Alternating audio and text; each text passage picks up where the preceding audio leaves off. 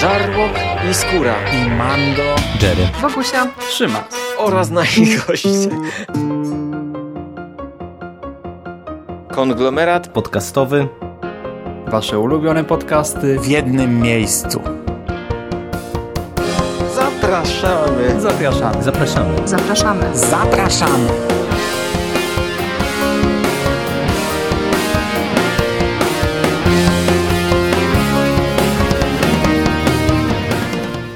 Cześć wszystkim.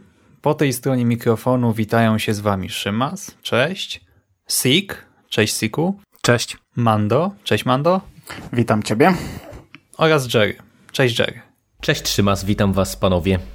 Spotykamy się w tak dużym gronie, by powitać was w pierwszym odcinku prekastu. Tak jest, stało się.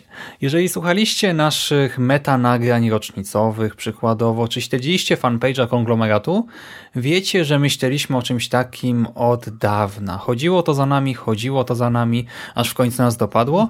Chodzi oczywiście o podcastowy, w miarę możliwości regularny, chociaż zobaczymy jak to z tym będzie, luźny przegląd newsów związanych z szeroko pojętą popkulturą i tym właśnie ma być przekaz tym epizodem zaczynamy nasz nowy cykl. Nie będzie jakiegoś stałego składu. Myślę, że właśnie ta czwórka, która jest dziś obecna, plus e, pewnie Bogusia, to będą osoby, które będą się jakoś przeplatać. E, raz ktoś wypadnie, innym razem ktoś inny, może jacyś goście jeszcze e, się pojawią, ale ogólnie będziemy wybierać z tej, z tej puli, którą, którą tutaj mamy. No i jeszcze chyba trzeba sprostować, że to nie będą tylko newsy, ale również porozmawiamy sobie po prostu o kulturze popularnej i o różnych dziełach kultury, które ostatnio widzieliśmy, które ostatnio słyszeliśmy, które ograliśmy. Tak, poruszymy Przeczytaliśmy tematy, które nas jakoś tam zaintrygowały. E, no i pewnie e, będziemy serwować jakieś krótkie recenzje czy krótkie opinie e, rzeczy, co do których albo nie chcemy robić osobnych podcastów z jakąś dogłębniejszą analizą, albo chcemy tylko Wam zajawić może temat, a odesłać do konkretnego podcastu, do konkretnego nagrania w przyszłości. I kończąc już wstępnie, będziemy też się jakoś babrać z montażem tego. Założenie jest takie, by w zasadzie mówić na żywca. Hmm, oczywiście no, założenie jedno, a rzeczywistość drugie, co wielokrotnie już, już udowadniała rzeczywistość, no ale y, jeśli gdzieś tutaj zauważycie, że jakość jest trochę inna, że, że, że, że więcej się mylimy na przykład, no to to jest założenie takie. Taki ma być ten podcast. Że więcej się mylimy. Tak, to jest jedno z fundamentów w, tym, w tej nowej naszej serii. Mhm. I jeszcze słówko o nazwie. Pomysł narodził się, jak żeby inaczej, spontanicznie w czasie porannego prysznica. jako, że chcieliśmy nagrać przegląd właśnie newsów i tego, co tam ostatnio czytamy, oglądamy, ogrywamy w formie podcastu, a do tego wszystko, co robimy w ramach Konglo jest przeepickie. Jeżeli chodzi o skalę przedsięwzięć, to wystarczyło połączyć te morfemy i tak właśnie narodził się przekast. A teraz przejdźmy już do treści tego pierwszego odcinka. Ale moment, moment, moment, to nie jest do końca prawda, bo początkowo ten podcast miał się nazywać Flaki. To był jeden z pomysłów, bo początkowo ten podcast miał się też nazywać Ścinki, a dzisiaj jeszcze z, dzisiaj jeszcze z 50 innych nazw przed chwilą słyszałem, bo tak naprawdę nazwa to padła przed chwilą. Nawet wszyscy się na nią nie zgodziliśmy jeszcze, ale że przed nagraniem y, ustaliliśmy, że nazwa musi być, no to trudno, zostało przyklepane. Y, to ty, ty możesz jako flaki to reklamować. Ogól, ogólnie chciałbym zaznaczyć, że prysznic to był Szymasa tylko i wyłącznie, to nie była zbiorowa ja też o tym pomyślałem, też o tym pomyślałem. No jakoś. To Szymas wpadł na nazwę pod prysznicem. Mnie się ona spodobała, skojarzyła mi się właśnie z przekazem, z przeglądem, e, w ostateczności również właśnie z przekozackim podcastem, więc można na, na różne sposoby ją interpretować. To po pierwsze, a po drugie bardzo fajnie się ją mówi e, jest dość płynna w wymawianiu, więc jasne, przyklepałem i, i jedziemy. Jedziemy z tym koksem. Tak, i chcielibyśmy zacząć od przeglądu różnego rodzaju premier, trailerów, które gdzieś tam nam wpadły w oko y, i tego wszystkiego, y, no, co gdzieś tam w, w popkulturze szeroko pojętej y, piszczy i co chcielibyśmy, na co chcielibyśmy Wam zwrócić uwagę, albo wręcz przeciwnie, odradzić może w jakiś tam sposób.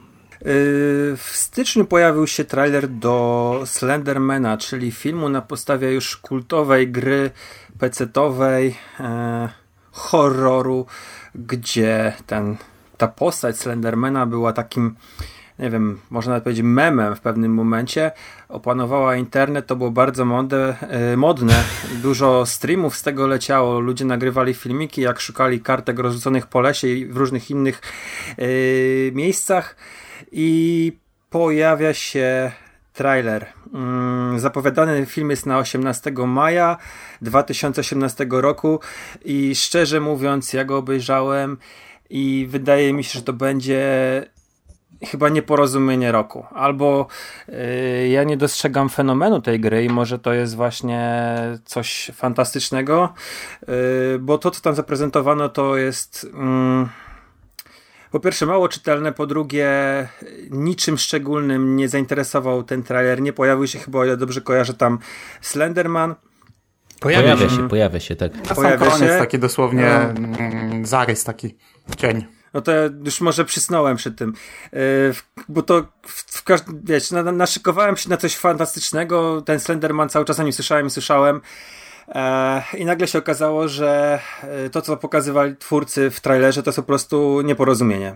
Jak wy to odebraliście? No słabo, to taki generyczny horrorek się zapowiada, można powiedzieć, z ogranymi, oklepanymi e, motywami rodem z taniego kina grozy no nie wiem, ja jakoś tam fenomen tej creepypasty oryginalnej rozumiem i, i, jestem w stanie e, pojąć, że to może ludzi kręcić i to może być całkiem niezły materiał na film, no ale tak naprawdę no to już jest przecież chyba co najmniej druga e, próba podejścia do tego tematu, bo, bo gdzieś tam już wcześniej e, taki był chyba film z Jessica Biel, jeżeli ja dobrze pamiętam, który też troszeczkę bazował na, na tym motywie, ale on też był słaby i te, a ten się zapowiada na jeszcze gorszy, przynajmniej według mnie. No reżyserem jest Sylvian White, to jest gościu, który e, reżyserował odcinki mm, The Following, nowego MacGyvera i tego serialowego remake'u Zabójczej Broni. Także no to nie nastraja no, pozytywnie wybitny, wybitny reżyser się zapowiada. Ja wam powiem, że ja o tym trailerze nawet, nawet nie mam nic do powiedzenia. Przed chwilą go widziałem, taki, taki miszmasz, taki, taka papka gulasz z różnymi yy, horrorowymi motywami. Nic charakterystycznego w ogóle tego nie zapisałem w głowie, żeby obejrzeć ten film. Wypadnie mi to jutro z pamięci pewnie. To trochę przywodzi na myśl e, właśnie grę Channel Zero od Sci-Fi, trochę intro od Mistrzów Horroru czy Fear Itself, ale no zobaczymy. No z drugiej strony, no co można stworzyć na podstawie krótkiej w sumie creepypasty i gry, w której chodzisz po lesie i nagle bum, wyskakuje stwór, no. no dużo rzeczy można stworzyć. To, no to, to tak, w ogóle poczekaj na y, ekranizację FNAFa, to pogadamy. Będziesz wtedy wychwalał Slendermana pewnie pod niebiosa w porównaniu z FNAFem. A co to jest FNAF? FNAF. Five Nights at Freddy's. Nie, a, no to może być super, ej. No to ja, ja no to mogę, wiesz, ja widziałem e, jakiś czas temu bardzo fajny slasher, no właściwie może nie slasher, ale slasher o horror z wątkiem nadprzyrodzonym, który dział się e, w głównej mierze w, właśnie w restauracji fast food i ekstra. Znaczy może to nie było wybitne kino, ale ja się dobrze na tym bawiłem. No ale bohater Także... nie siedział w jednym miejscu raczej za kamerką. Mm, no nie, no ale to wiesz, mm, jakby to powiedzieć, no film jest takim medium, że daje twórcom duże możliwości swobodnej interpretacji dzieła, na której bazowany jest yy, film, który tworzą. I akurat w przypadku tego filmu, który ja widziałem, to był Drive-Thru yy, z 2007 roku. Głównie te śmierci były w restauracji. Więc też teoretycznie, yy, co tam można ciekawego pokazać, ile morderstw można pokazać w, w McDonaldzie.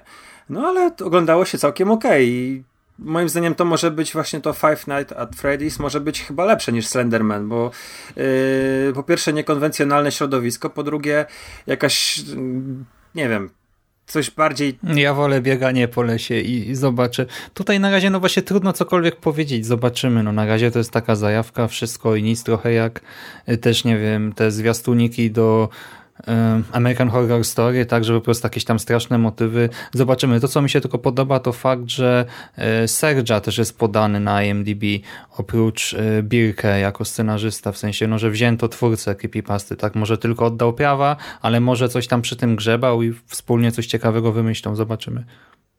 Nie, że czekam jakoś mocno, ale pewnie obejrzę. Czy w ramach, y, tak jak jesteśmy przy Slendermanie i w ramach formuły, to ja mogę tylko wspomnieć, bo y, to jest jedno z tych dzieł, które się własnego podcastu nie doczekało, to jak przy Slendermanie właśnie jesteśmy, to jeżeli ktoś nie oglądał y, dokumentu HBO Beware the Slenderman o prawdziwej historii dwóch nastolatek, które zaatakowały inną koleżankę właśnie na skutek no, nazbyt wielkiej wiary w creepypastę, E, no to to jest e, dosyć ciekawa rzecz. Za długa, nieco przegadana, ale w sumie e, dosyć upiornie się wpisuje w cały ten fenomen, który przetoczył się przez internety jakiś czas temu i na pewno jeżeli gdzieś tam do tego filmu dokumentalnego będziecie mieli dostęp, to, to przynajmniej myślę, że pierwsze 40 minut to wam bardzo polecam, żeby sobie zobaczyć, jak ta rzeczywistość mm. internetowa może wpływać na rzeczywistość tą, tę jak jak najbardziej realną, która nas otacza. To co następny? Kolejnym trailerem, który z Sik nas, którym Sik nas uraczyłeś, e, byli ludzie z barek, że pozwolę sobie, z barek. sobie na e, dowolność tłumaczenia tytułu, bo jak... I to jeszcze film reżysera Ucieczki z farmy kanibali, nie?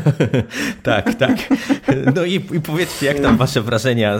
Czego się spodziewacie po tymże wielce obiecującym tytule? No, każdy, każdy się wyrywa.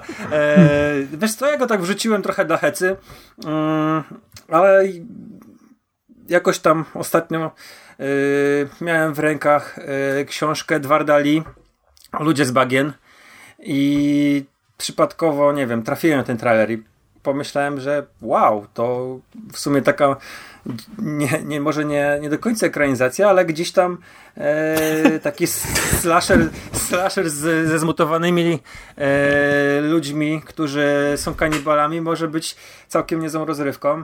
Ej, ale ludzie, z bagien, ale ludzie z bagien to inne dzieło było jednak. To, to nie pachnie w ogóle mi z, akurat z Oczywiście, tym, że nie. No, ale, ale tak ten wiesz... opis w ogóle jest piękny, nie? Dwie siostry i ich chłopacy wyjeżdżają za miasto i spotykają spragnione ludzkiego mięsa rybie mutanty. Te rybie mutanty to... wow. No tak, tak. Mm, pytanie, ile ten trailer pokazał, bo jeżeli to będzie e, na przykład zapowiedź, zapowiedź jest, no właśnie niekoniecznie, bo wyobraź sobie, że to na przykład będzie tak, że pokazał Kino moralnego bo niepokoju teens... to będzie tak naprawdę. To była tylko przykrywka, a później będzie e, rozważanie nad naturą ludzką i tych rybich mutantów. Ale to może być nawiązanie na przykład do Lovecrafta i tych wszystkich ryboludzi tam z jego, z jego mitologii. Także nie wiemy, co tam dalej będzie. Na razie nam pokazali krwawy teen, teen slasher, teen e, gore, ale może być coś innego, nie? No przekonamy się chyba trzy dni przed Halloween, czy jakoś tak. Znaczy przekonamy się. Kto się przekona, ten się przekona. I ja to będę oglądał. Pewnie ja... będzie trochę trochę, trochę ciężej będzie to dostać na początku, ale sobie gdzieś tam odznaczyłem na liście, żeby obejrzeć. Jakby co to sam chyba rób podcast, nie? ja mam naprawdę duże rzeczy na głowie. Tu teraz kto będzie oglądał Życzenie Śmierci nowe? Bo też te trailerki sobie przejrzeliśmy, nie? Nie, wiesz co, ja go, nawet teraz mi się go nie chciało oglądać. Pamiętam, że włączyłem go sobie wtedy, gdy się pojawił i, i pamiętam, Ale nie że... ma, to był drugi, teraz jest drugi. I co, czym się różni? Ale to nie ma różnicy tak naprawdę, czy pierwszy, Lepszy czy drugi... Jest? Lepszy jest. Znaczy, ja, to było bo... pytanie, to nie było stwierdzenie. Znaczy, go, go, gorszy trudniej chyba. No nie wiem, no. naprawdę miałem bardzo złe, bardzo złe mm, odczucia oglądając tam ten trailer a że Bruce Willis w tym momencie no, nie ma najlepszej pasy, yy, no to... No Eli Roth też niekoniecznie. Dlaczego? Ile robi naprawdę całkiem fajne filmy. Od, od, ten... Znaczy, kiedyś może, ale teraz to naprawdę, no nie wiem. No właśnie, ostatnie kilka lat... Y, ale to Green Inferno podobno całkiem niezłe było. Beznadziejne, to jest jeden z najgorszych filmów tamtego roku. Trafiłem na niego w Naprawdę? topkach, obejrzałem go w Sylwestra w ramach maratonu i żałuję do dzisiaj. To jest film, w którym e, pokonuje się wioskę kanibali wtykając e, torebkę marychy e, w kadłubek, żeby oni go potem sobie ugrillowali i cała wioska się zjara w ten sposób. No i do tego mamy jeszcze trochę masturbacji Ale tego to... typu. Ej, no to, to całkiem nieźle to, to brzmi. Tak. A jeszcze legendy krążące na temat tego filmu. Ja nagrałem o tym podcast nawiedzonym. Tak, Kurczę, ja pamiętam. No właśnie, ja, ja pamiętam. Nie. Pamiętam, że żeś bardzo krytykował i, i, i też patrząc na opinię e, przecież o, o I tym... jest jeszcze ekopropaganda w tym filmie, taka masakryczna. Boże. A, a to przecież to, te, ten no. ostatni film z Keanu Reevesem też miał przecież fatalne recenzje, delikatnie rzecz ujmując, więc to... John Wick 2? Nie, ten no, wspólny Rota, knock, knock. Rota i Keanu Reevesa. Knock, knock. E mnie się podobał. To nie był zły, znaczy to nie był, to nie był wybitny film, ale też jakoś specjalnie e, zły nie był. Obejrzałem go i, i byłem zadowolony. Także no to sobie pogadaliśmy o życzeniu śmierci. Tak, którego nikt, nie zamierza oglądać i myślę, że nie, nie, ma co, nie ma co tu jeszcze się rozwodzić nad y, y, różnego rodzaju y, trailerami filmów, które póki co się zapowiadają nam egzotycznie w najlepszym wypadku. Skoro jesteśmy na etapie jeszcze zwiastunów i tego typu rzeczy, to pojawiły się newsy na temat powrotu Sabriny, nastoletniej czarownicy. Co wy na to? Ja jestem bardzo zadowolony z tego. Pamiętam, że oglądałem namiętnie Sabrinę za sztyla. W niedzielę przed kościołem. o 11 chyba leciała. Obejrzałeś sobie serial o czarownicy, a później na mszę. nie, mnie to tak e, szczerze nie, nie, ziębi, nie ziębi, nie grzeje. Ja, ja tego serialu nie, nie mam zamiaru oglądać, nie planuję. News zarejestrowałem i, i, i to wszystko. Nie moja bajka. Ale to chyba będzie, to chyba będzie na, na razie e, film, o ile dobrze kojarzę, i ma być w takiej mroczniejszej tonacji niż serial. Mm, nie pamiętam jak ta dziewczyna się nazywała, która grała w tej starym, ale to była jakaś tam gwiazdka Disneya i to wszystko było w takiej bardzo mocno komediowej otoczce zrobione, sitcomowej. Yy, natomiast z tego, co, co tak sobie poczytałem trochę, to yy, ta Netflixowa wersja będzie yy, ma być taką mroczną bardziej w stronę, nie wiem, dark fantasy. No i w roli głównej dziewczyna, córka głównego bohatera z Mad Men, yy, Kiernan Shipka. I ona mhm. tam w Mad Men, jak, jak widziałem ją, yy, jak ta dziewczynka dorastała przez lata i ona naprawdę yy, jest świetną aktorką. To jest kurczę, myślę, że bardzo duży talent, który, no nie wiem, czy będzie dobrze wykorzystany w przyszłości, ale mam bardzo pozytywne odczucia, jeżeli chodzi o, o tą nową Sabrinę. Mm, właśnie zazwyczaj mnie wkurza taka jazda na sentymencie, nie wyciąganie tych y, starych serii, franczyz, seriali, filmów i takie rebootowanie, remakeowanie na siłę, ale akurat tutaj rzeczywiście to ma potencjał i nawet też się ucieszyłem po tych pierwszych newsach, bo właśnie jak mówisz, ta stara Sabrina była taka mm, właśnie slapstickowa, sitcomowa, palpowo, kampowa y, i coś takiego, no tego nie da się zniszczyć, nie? Tak przy tej nowej ekranizacji mam wrażenie, no chyba, że Death Note'a z tego zrobią, więc jestem na tak. Znaczy ja mam nadzieję, że w tym nowym, mimo wszystko, bo wiem, że technika poszła naprzód, ale mam nadzieję, że będzie wypchany kot Salem i będzie kukiełka Salema. bo to był taki rozpoznawczy e, element. Mm. Mocny. No dobra, to pogadaliśmy sobie o filmach kiepskich, o pierdołach. E, przejdźmy do pierwszej ligi. Niedługo w kinach Han Solo. I... Mm, Co? Milcz. Chyba Han Klos. No, bo tak, że słyszę, Mando. jak ktoś, jak ktoś nie zrozumiał Milcz hermetycznego też. dowcipu Szymasa, to on nadal jedyne Gwiezdne Wojny, jakie oglądał, to tureckie Gwiezdne Wojny, dlatego, dlatego jest niezainteresowany gorącą premierą nadchodzących Do tureckich miesięcy. produkcji dzisiaj też jeszcze przejdziemy. Han Solo. E, oczywiście cały czas kręci się gówno burza w internecie na temat tego filmu, jak, jak, jak ze wszystkim związanym z Gwiezdnymi Wojnami. Ostatnio znów wypłynął temat kolejnych dokrętek. Internet sra to i, i, i pluje jak się da. E, mnie to strasznie wkurza w przypadku tego filmu, bo po prostu takie ploty wypływają jako newsy, takie bzdury. Nie, niedawno nie wiem, czy zarejestrowaliście takie newsy, gdzie było powiedziane, że Disney nie jest zadowolony z tego filmu i już go spisał na straty. I wszystkie nie. serwisy to wklejały. Wszystkie serwisy to wklejały. No, już gorszych bzdur naprawdę nie da się czytać, a ludzie to łykają, nie? Łykają. No ale tak. Pojawiła się graficzka z Hanna Solo. Na początku wyciekła z jakiejś ruskiej strony. E, to jest graficzka, którą ja trochę zmodyfikowałem i wrzuciłem u nas w tło e, na konglomeracie.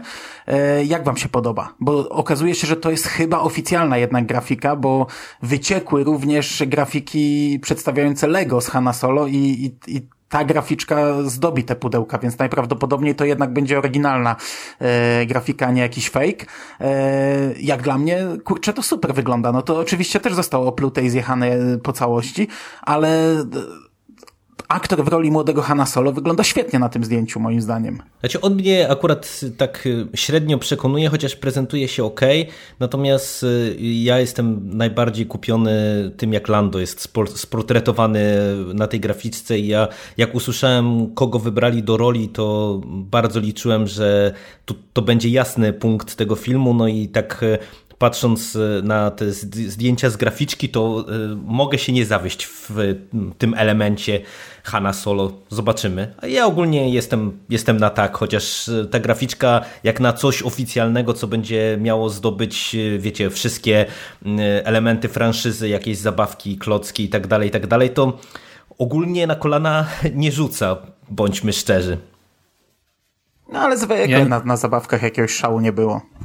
Ja nie jestem zainteresowany, ale dla mnie ta grafika jest ładna. Te wszystkie dyskusje. W ogóle się to mnie akurat cieszy e, w tym moim braku zainteresowania Gwiezdnymi Wojnami, że te dyskusje mnie nie ruszają, bo po prostu pod, e, nie wiem, jak wy coś mi wrzucacie, to sobie tam przeglądam, nie? Ale jak mi na wallu coś wyskoczy z Gwiezdnych Wojen, to przeskakuję dalej, bo od razu pierwsze komentarze na górze to już jakieś, nie wiem, wulgaryzmy, przekrzykiwanie się. No, straszny no, niestety. fandom. XXI wiek niestety jest straszny. E, to nie fandom, to właśnie fandom został zinfiltrowany przez ogólnie ludzi i przez ogólnie internet, no bo fandom jest tak naprawdę fajny mimo wszystko. Ci, ci ludzie, którzy się spotykają, to, to fakt, że po prostu każdy zna Gwiezdne Wojny i prawie każdy, oprócz Szymasa, ma jakieś wyobrażenie i teraz wiesz, odzywa się nostalgia. Nostalgia to jest suka, która wypacza rzeczywistość i, i ludzie teraz nagle się budzą i sobie przypominają, że, że, że w dzieciństwie to lubili, a teraz widzą coś innego i to tak, o tym mówiliśmy przy dziesiątym sezonie Archiwum X, że każdy w, w Polsce i każdy na świecie w zasadzie pewnie też ma swoje wyobrażenia na temat tego serialu, dlatego tak krytykowano dziesiąty sezon wielokrotnie, nie?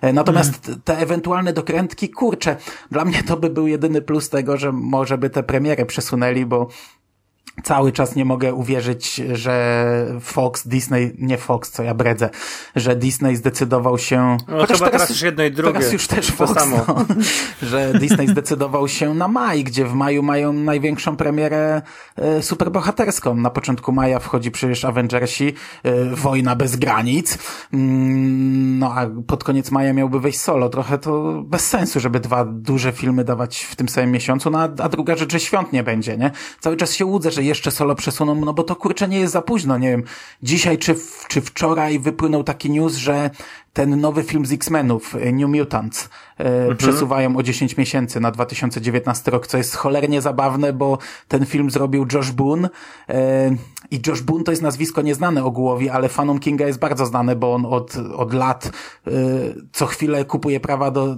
do nowych filmów Kinga i je chce robić, nie? Te filmy, a żadnego jeszcze nie zrobił. Pamiętam, jak wypłynął trailer New Mutants, to my się w swoim tam gronie kingowym nabijaliśmy z tego, że Josh Boone w końcu skończył jakiś film, a teraz się okazuje, że to, że to, że to jeszcze nie jest takie pewne, bo mu przesunęli o 10 miesięcy. To ja już maraton X-Menów planowałem, a ty mi takie rzeczy mówisz. Smutno mi teraz.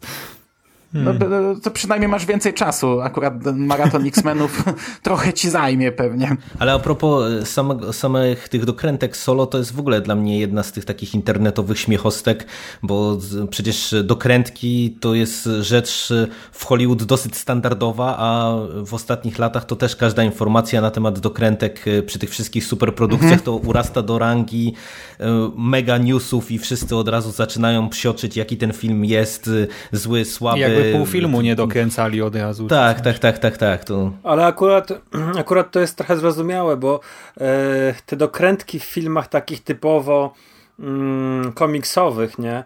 E, zazwyczaj taka jakaś taka większa ingerencja producentów, zatrudnianie nowego reżysera yy, kończyło się dla filmu średnio i chyba jedynym wyjątkiem jest Ant-Man, który yy, jest naprawdę bardzo fajnym filmem, chyba jednym z yy, dla mnie najfajniejszych Marveli. Yy, I tutaj zmienił się po drodze reżyser i, i to wyszło na plus możliwe. Yy, natomiast no, sięgając pamięcią e, Punisher Strefa Wojny, gdzie tam były problemy na linii studio, reżyser i jakieś dokrętki były chyba i wycinania rzeczy. Mm, kończąc na e, ostatniej lidze, tak? Czyli znaczy na ostatnim filmie z DC, Liga Sprawiedliwych, Sprawiedliwości. Mm, no i Suicide no to, Squad to, to, też niby ale, nie Ale wiecie co, to, tylko że te wszystkie filmy, o których wy wspominacie, to, to są trochę przykłady filmów, które moim zdaniem Oczywiście to jest, to jest też takie gdybanie, bo ich tych pierwotnych wersji nie poznamy nigdy i się nie dowiemy, jak one wyglądały, ale na przykład w przypadku Suicide Squadu ja absolutnie nie wierzę w to, że ta ingerencja ze strony producentów ten film popsuła, bo, bo ten film po prostu niestety y, ma problemy fundamentalne i problemem jego był David Ayer za kamerą. Dzisiaj jeszcze o nim y, mam mhm. nadzieję porozmawiamy. Dokładnie. Y, I niestety to wyłożyło ten film. Z nową ligą, te dokrętki y, na pewno temu filmowi nie zaszkodziły, a pewnie mu jakoś y, trochę pomogły. Y, przecież przykład Łotra 1, gdzie też mówiło się i lamentowało się o tych dokrętkach, przecież mówiło się o odsunięciu reżysera i też, że osoby, które go wspierały przejmują ster i tak naprawdę one kończą ten film, no a dostaliśmy jeden z najlepszych gwiezdnowojennych filmów w ogóle. No tak naprawdę no takie, wiecie, psioczenie na dokrętki, szczególnie zanim zobaczymy film w kinach, to dla mnie, mówię, to jest naprawdę taki stały element internetu i, i wygodny chłopiec do bicia, ale wielkiego sensu to nie ma. A w przypadku Gwiezdnych Wojen to ja to kupuję, bo nad tym musi ktoś trzymać kontrolę. To nie jest tak, że tutaj może sobie reżyser, wiesz, na swoją swobodną twórczość pozwolić. E, to musi być jednak spójność tego uniwersum e, i, i wizualna, i spójność klimatyczna i w przypadku solo i, i Oczywiście, no nie wiemy jak to dokładnie było, możemy tylko ufać temu, co nam mówi internet, ale ja się bardzo cieszę, że odsunięto tych pierwotnych reżyserów, bo z tego, co e, mówił nam internet, no to z tego filmu zrobiono Ace Aventurę i Ron Howard tam nakręcił większość go na nowo. E, a, a, patrząc na ostatniego Jedi, jakie żarty przeszły w ostatnim Jedi, to skoro e, w nowym solo były takie żarty, które już nie przeszły, to, to musiało być naprawdę e, mocno i, i, i, i kiepsko.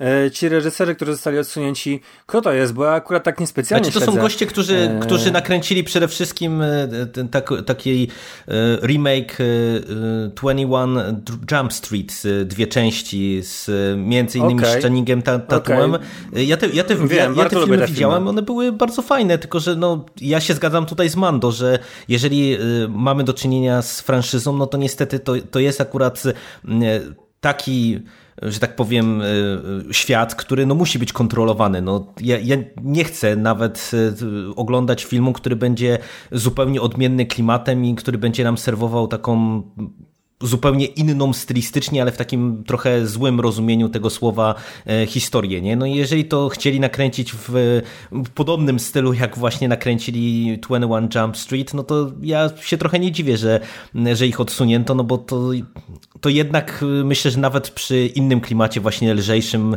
e, bardziej młodzieżowym, no to zakładam, że intencje studia i twórców były odmienne i tutaj pewnie ta wizja faktycznie się dramatycznie różniła, czy mogła się różnić.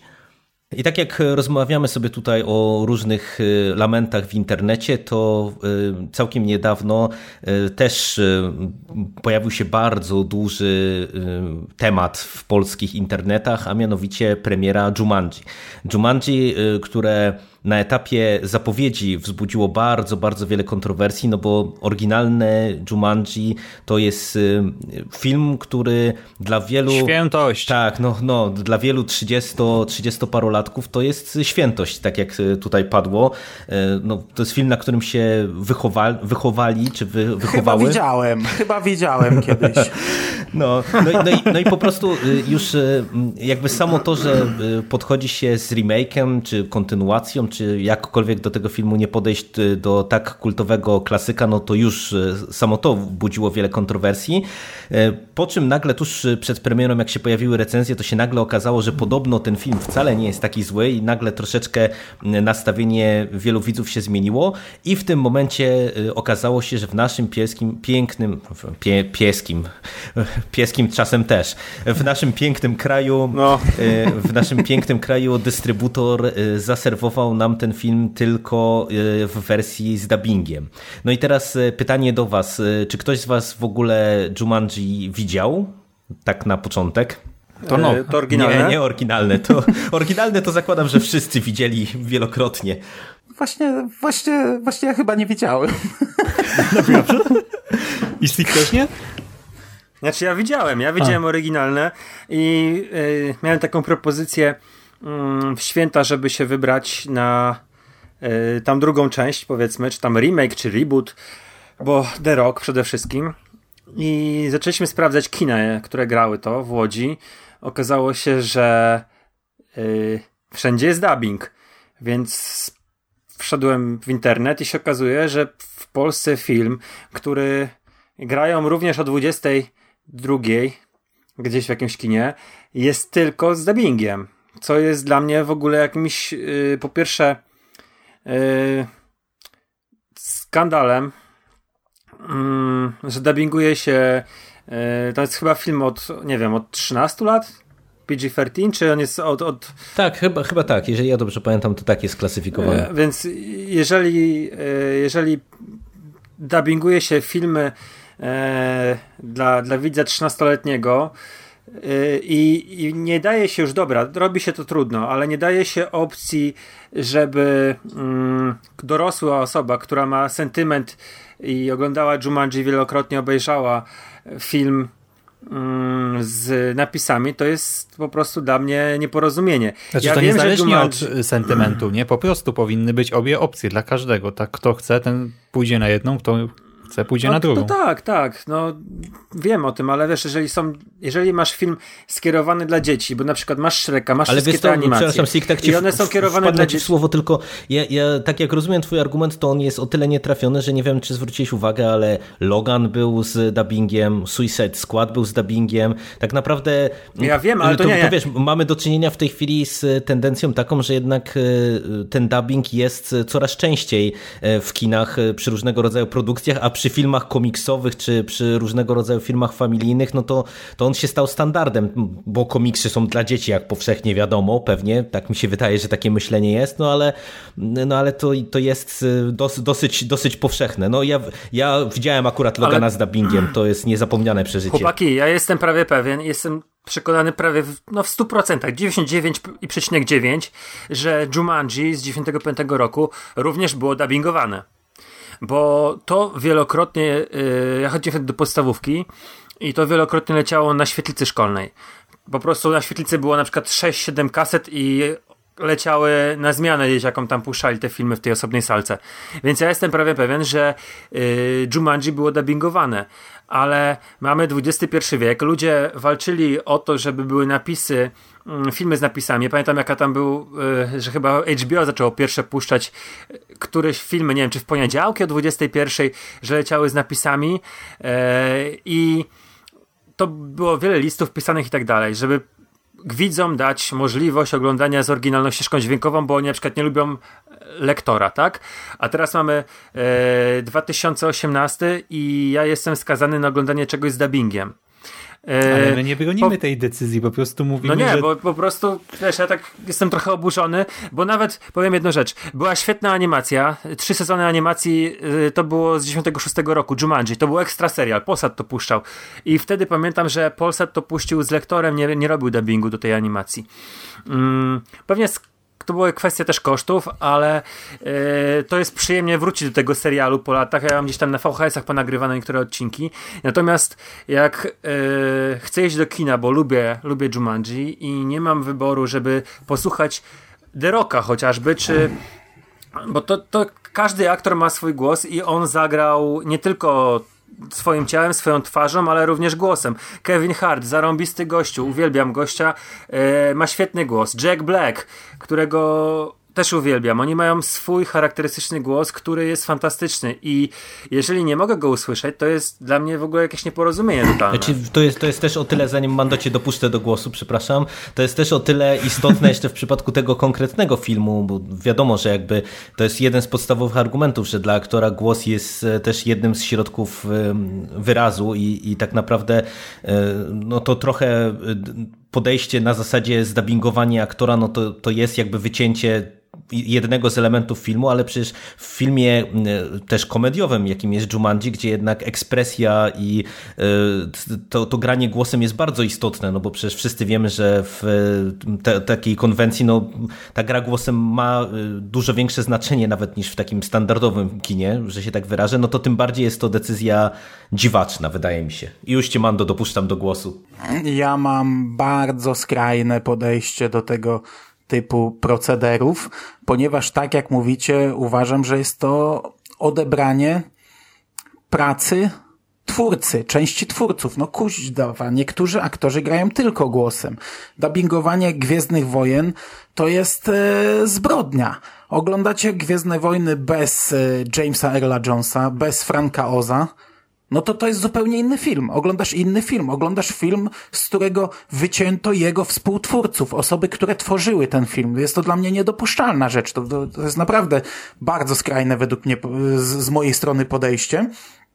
A druga rzecz, e, ty mówisz, że ten film jest o 21, ale kurczę, to, to jest też temat na długą dyskusję, nie popartą niestety żadnymi faktami, ale niestety w Polsce dubbing, dubbingu nie robi się dla dzieci, to jest wybówka. To jest takie pitolenie, że to jest y, albo dla dzieci, albo dla osób, dla osób z problemami ze wzrokiem. Ja znam wiele osób, które mają problemy ze wzrokiem, a na dubbing nie pójdą.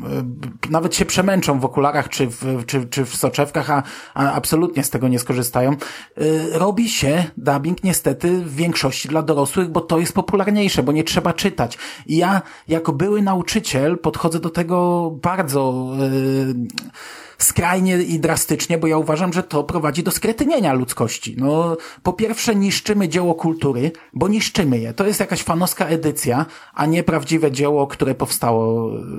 To, to, to dotyczy każdego filmu. Po drugie, yy, no, wiesz, ja, ja rozmawiałem wielokrotnie z uczniami na temat filmów i zwykle, jeśli polecałem jakiś film, jeśli przynosiłem im jakieś filmy, pierwsze pytanie było, czy trzeba będzie czytać. A to mówili mi uczniowie, wiesz, nie e, siedmioletni, tylko powiedzmy końcówka gimnazjum, gdzie zakładam, że umiejętność czytania jest już opanowana e, no, do granic dość e, wysokich. Natomiast pamiętam, jak szedłem na Gwiezdne Wojny ze szwagrem i szwagier ze znajomymi szedł, przyjechał do nas i, i się pytał, czy, czy, czy chce iść na Gwiezdne Wojny. Ja akurat szedłem czwarty raz, no to mnie to nie interesowało już na, na jaką wersję idę, a oni że dubbing, no bo nie trzeba będzie czytać. I dzwonili, czy można kupić bilety na dubbing? Nie, już wszystkie są zarezerwowane, no bo wtedy y, to był siódmy epizod, to wtedy to wiesz, sale pękały w szwach. Mhm. To, to dubbing był już zarezerwowany na te godziny, napisy były wolne.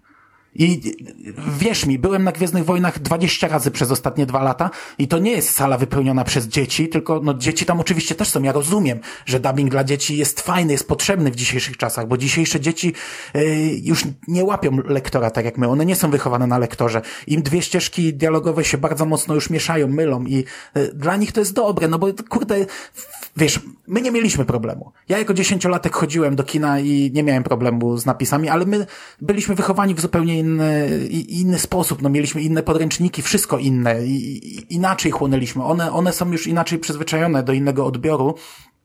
Ale e, ja uważam, i to jest też kolejne, jeszcze ostatnie moje skrajne podejście, że powinna być w Polsce granica wieku e, górna, nie, dolna, nie, górna, na dubbing. No nie wiem, no powiedzmy do 10, 11, 12 lat możesz wejść na dubbing, jak masz więcej, to nie możesz. To tak jak dziecko nie może iść na horror, tak dorosły niech nie idzie na film, który jest teoretycznie dla dzieci, gdzie tutaj wymówką jest, że dubbing jest zrobiony dla dzieci. Ale to by zabierali dzieci teraz, i by szli ale teraz z nimi. byś nie mógł wejść na e, film o Barbie ze swoją córką. No. No ja wiem, dlatego, ja, ale ja sobie zdaję sprawę, że nikt tego nie wprowadzi. To jest taka, wiesz, moja wizja e, świata w mojej głowie utworzona, e, która nigdy się nie ziści i nigdy nie powstanie. No, także to tylko takie tam, już tu w, w głębszą dyskusję nie ma co wchodzić, nie? E, No ale to fakt, no, chociaż na, przy Barbie akurat mnie jakoś na, nie zależało na tych oryginalnych głosach. E, ale wiecie co? E, to jest zabawna sprawa, bo ja osobiście nie miałem Kanał Plus, ale w latach 90. E, był te, było takie pasmo niekodowane, nie? I na Kanał Plus można było obejrzeć Przyjaciół. I przyjaciele na kanale Plus Ja byli pamiętam. Dubbingowani. Pamiętam, plus moja, moja chrzestna miała moja chrzestna miała kanał Plus i ona nagrywała nam e, filmy z kanału, które leciały. I tam była e, masa filmów, naprawdę masa filmów, właściwie możliwe, że wszystkie, bo chyba praktycznie każdy film, jaki dostawaliśmy z Kanał Plus, to był e, dubbingowany. Ja pamiętam, że e, ja się odbiłem w ten sposób od Robroja, bo e, już tak jakoś takie starszym byłem dzieciakiem, nastolatkiem i gdzieś zobaczyłem, że mamy nagranego Robroja i Mówię, obejrzę sobie ten film i był dubbing i ja nie wytrzymałem tego. Już jakoś tam powiedzmy 13-14-latek. Eee, I Kanał Plus dubbingował wszystko i to, to możliwe, że to z zachodu przychodzi. Eee, Szymas wspominałeś przy okazji Krampusa, że w Niemcy dubbingują wszystko, w kinach chyba. No, No nie? nie, tak, nie Niemcy tylko w w kinach, no, telewizji w telewizji wszędzie jest tak samo. No w telewizji tak, ale mówimy nawet o kinie teraz, tak? Tak, Znaczy tak nie samo nawet, no oni mają po prostu zestaw aktorów głosowych, wyspecjalizowanych w dubbingowaniu konkretnych aktorów y, no zagranicznych, tak? I to są Mhm. stałe głosy do stałych twarzy, jak gdyby przyporządkowane. No bo my jesteśmy jednym z nielicznych krajów tak naprawdę, gdzie lektor był taki popularny, no bo to finansowy, e, finansowa przyczyna była tego. Lektor jest tańszy. I to my jesteśmy pokoleniem wychowanym na lektorze i e, nie dość, że jeden z nielicznych krajów, to jeszcze jesteśmy nielicznymi ludźmi, bo już kolejne pokolenia na tym się nie wychowały. Ale ja wam powiem, co mnie jeszcze wkurza e, w dubbingu. Bo ja poszedłem na niektóre filmy z dubbingiem. E, To nie jest tak, że, że, że nie znam, nie wiem jak to jest. Dla samego sprawdzenia, na, na, chociażby poszedłem czasami zobaczyć sobie, ale wkurza mnie to, że nie mam kontroli nad tym, co przyswajam, bo ja, jak czytam napisy w kinie, no to też słucham tego, co po angielsku mówią. Jak, jak oglądam film z lektorem, to jestem w stanie wychwycić też oryginalną ścieżkę dźwiękową. Słucham obie. A jak dostaję dubbing, to niestety muszę to łykać, wiesz, jak, jak taki pelikan. Jak, jak, jak my w latach 90. łykaliśmy przekłady książek, gdzie nie było internetu, nie było dostępu do oryginalnej literatury, nie mogliśmy sobie porównać tego przykładu i łykaliśmy takie bzdury wielokrotnie. Nie twierdzę, że wszystkie, ale wiele przekładów przecież to była y, całkowita, wiesz, y, wolna twórczość tłumacza. I, i, i teraz idąc na taki dubbing, to musisz łyknąć taką twoją starą w gębie Batmana, czy Siusiu Majtka, czy inne bzdury, nie?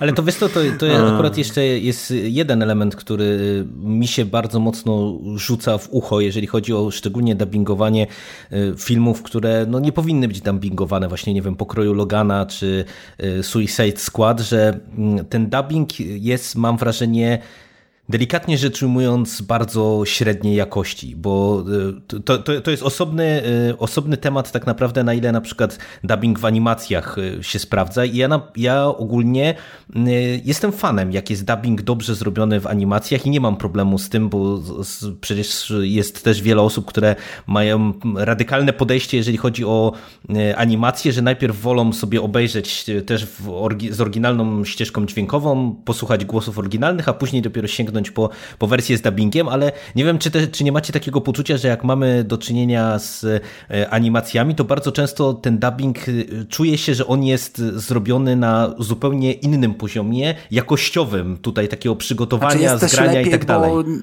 nie masz ruchu warg, nie? To, to po pierwsze, to jest też lepsze.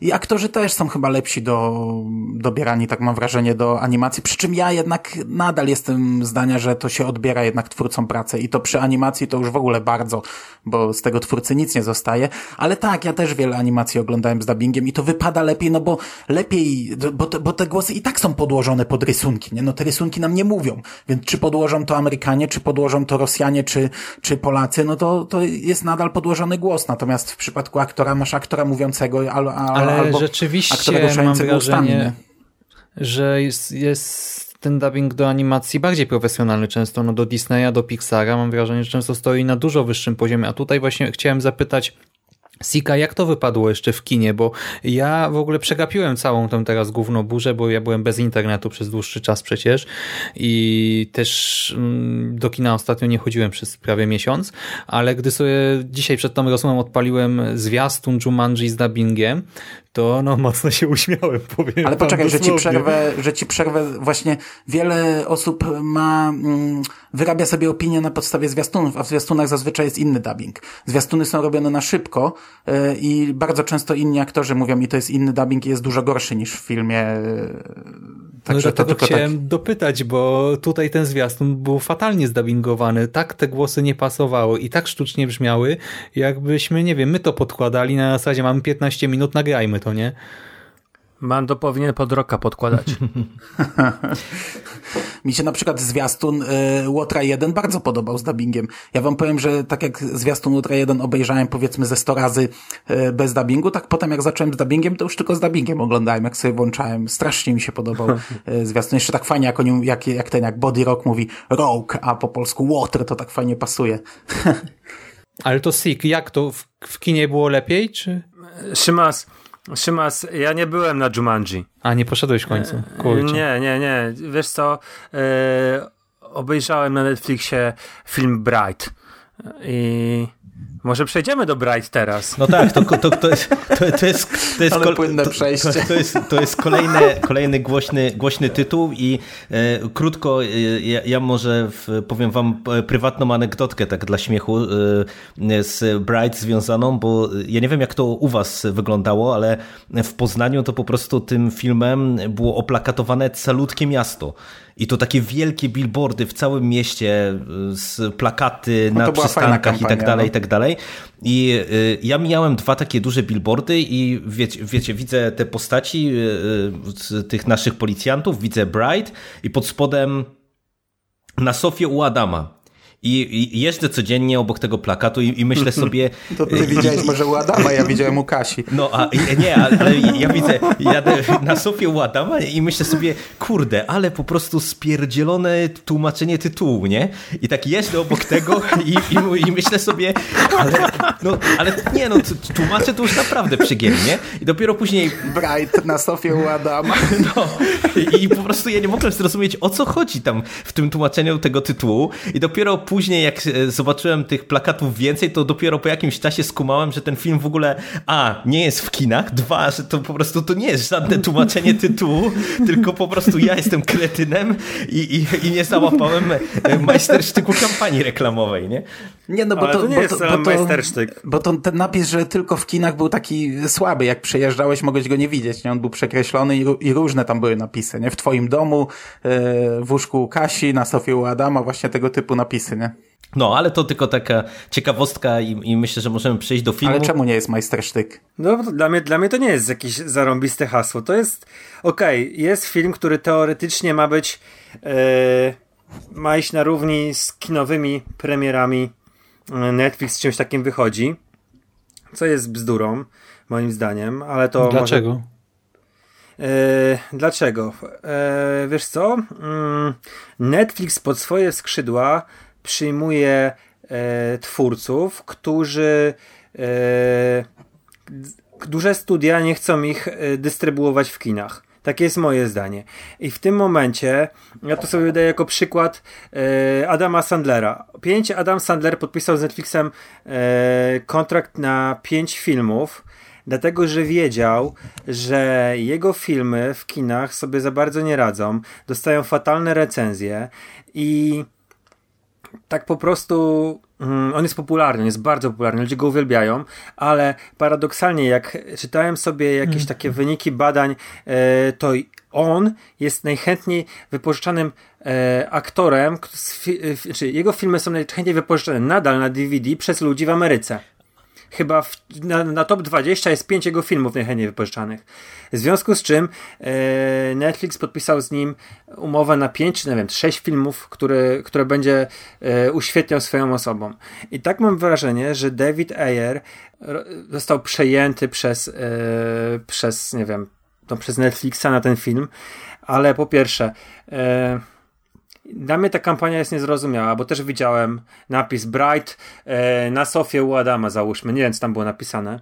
E, po drugie, to nie jest film, który, który może konkurować z produkcjami kinowymi. Ale to wiesz, to wpadnę ci na tym etapie tylko w słowo, bo y, mi się wydaje, że to nie do końca tak jest, bo cel był taki, że y, robimy blockbuster, można powiedzieć, czy taki robimy właśnie film, który normalnie by się zobaczyło w kinach i nie wiem, czy tutaj to jest dobry trop, że wiesz, Netflix wziął reżysera, którego, który w kinach się nie sprzedaje, no bo owszem, Ayer po Suicide Squad ma y, średnią prasę, ale to też trzeba pamiętać, że on mimo wszystko jest dosyć szanowany jakoś tam. Ja tego nie rozumiem, bo go nie lubię, do czego też zaraz ale... przejdziemy, ale y, patrząc na nazwiska, które oni tam zgromadzili, Willa Smitha, który jest przecież w Stanach mega no, tak. popularny, tak. Ayera, który y, chociażby po Furii też y, gdzieś tam był dosyć mocno chwalony, patrząc na innych aktorów w rolach drugoplanowych i, i tak dalej, i tak dalej, no to moim zdaniem to jednak świadczy o tym, że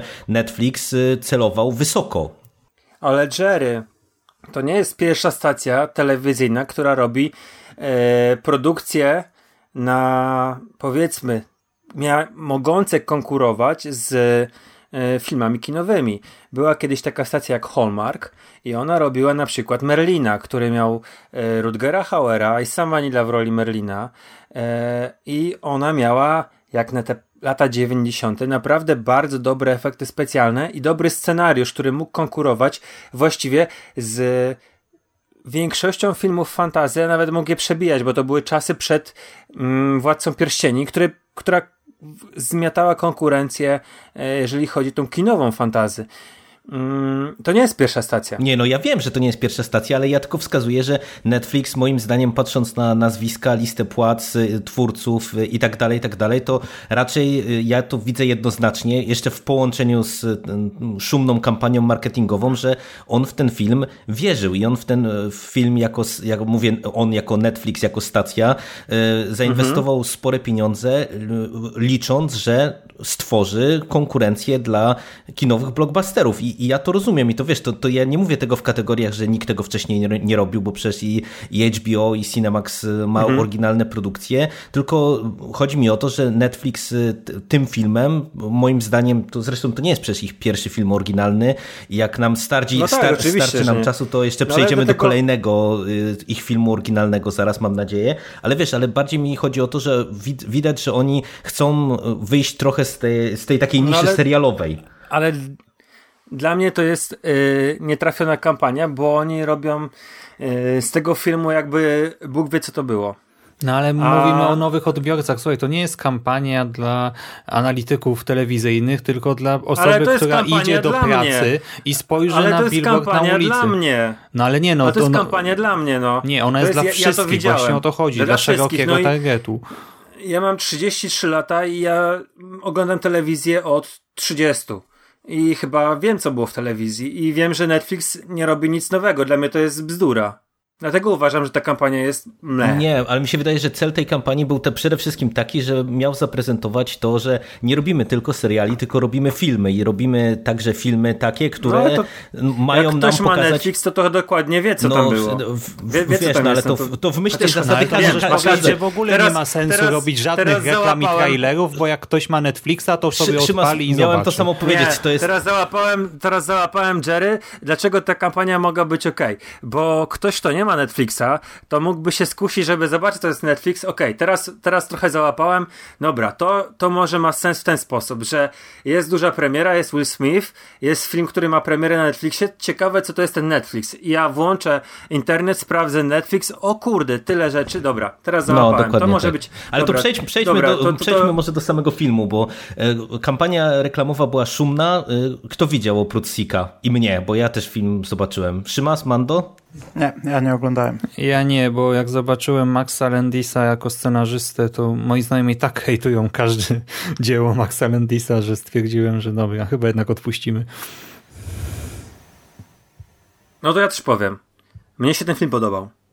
Mimo, że nie jestem zadowolony z kampanii reklamowej, to ja e, obejrzałem film z przyjemnością i może nie jakąś wielką, ale e, obejrzałem go, byłem zadowolony i, i ra, raczej jestem na tak i czekam na następne e, rzeczy z tego uniwersum. A to ja, to ja ci powiem, że ja mam podobne zdanie. Ja jak skończyłem seans, to byłem y, aż zaskoczony, jak złą prasę ma Bright, bo kurczę, w, w polskim internecie też widziałem tak dużo opinii takich, które bardzo mocno krytykowały całość tego filmu i sygnalizowały, że e, się po całości i tak dalej, i tak dalej, bo bo po prostu naprawdę to jest e, film, który moim zdaniem na tak negatywne recenzje absolutnie nie zasługuje, bo owszem, to jest film, który ma wiele wad, e, to jest film, który nie wykorzystuje swojego potencjału w pełni,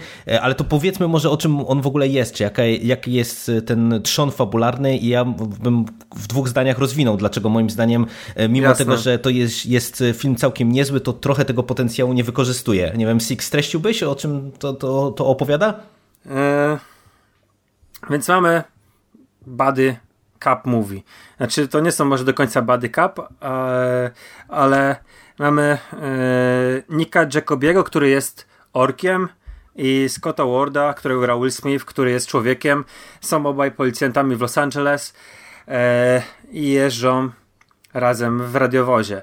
Ra jeżdżą po Los Angeles, które znajduje się w świecie mm, fantazy, takim jakby yy, 2000 lat po Władcy Pierścieni.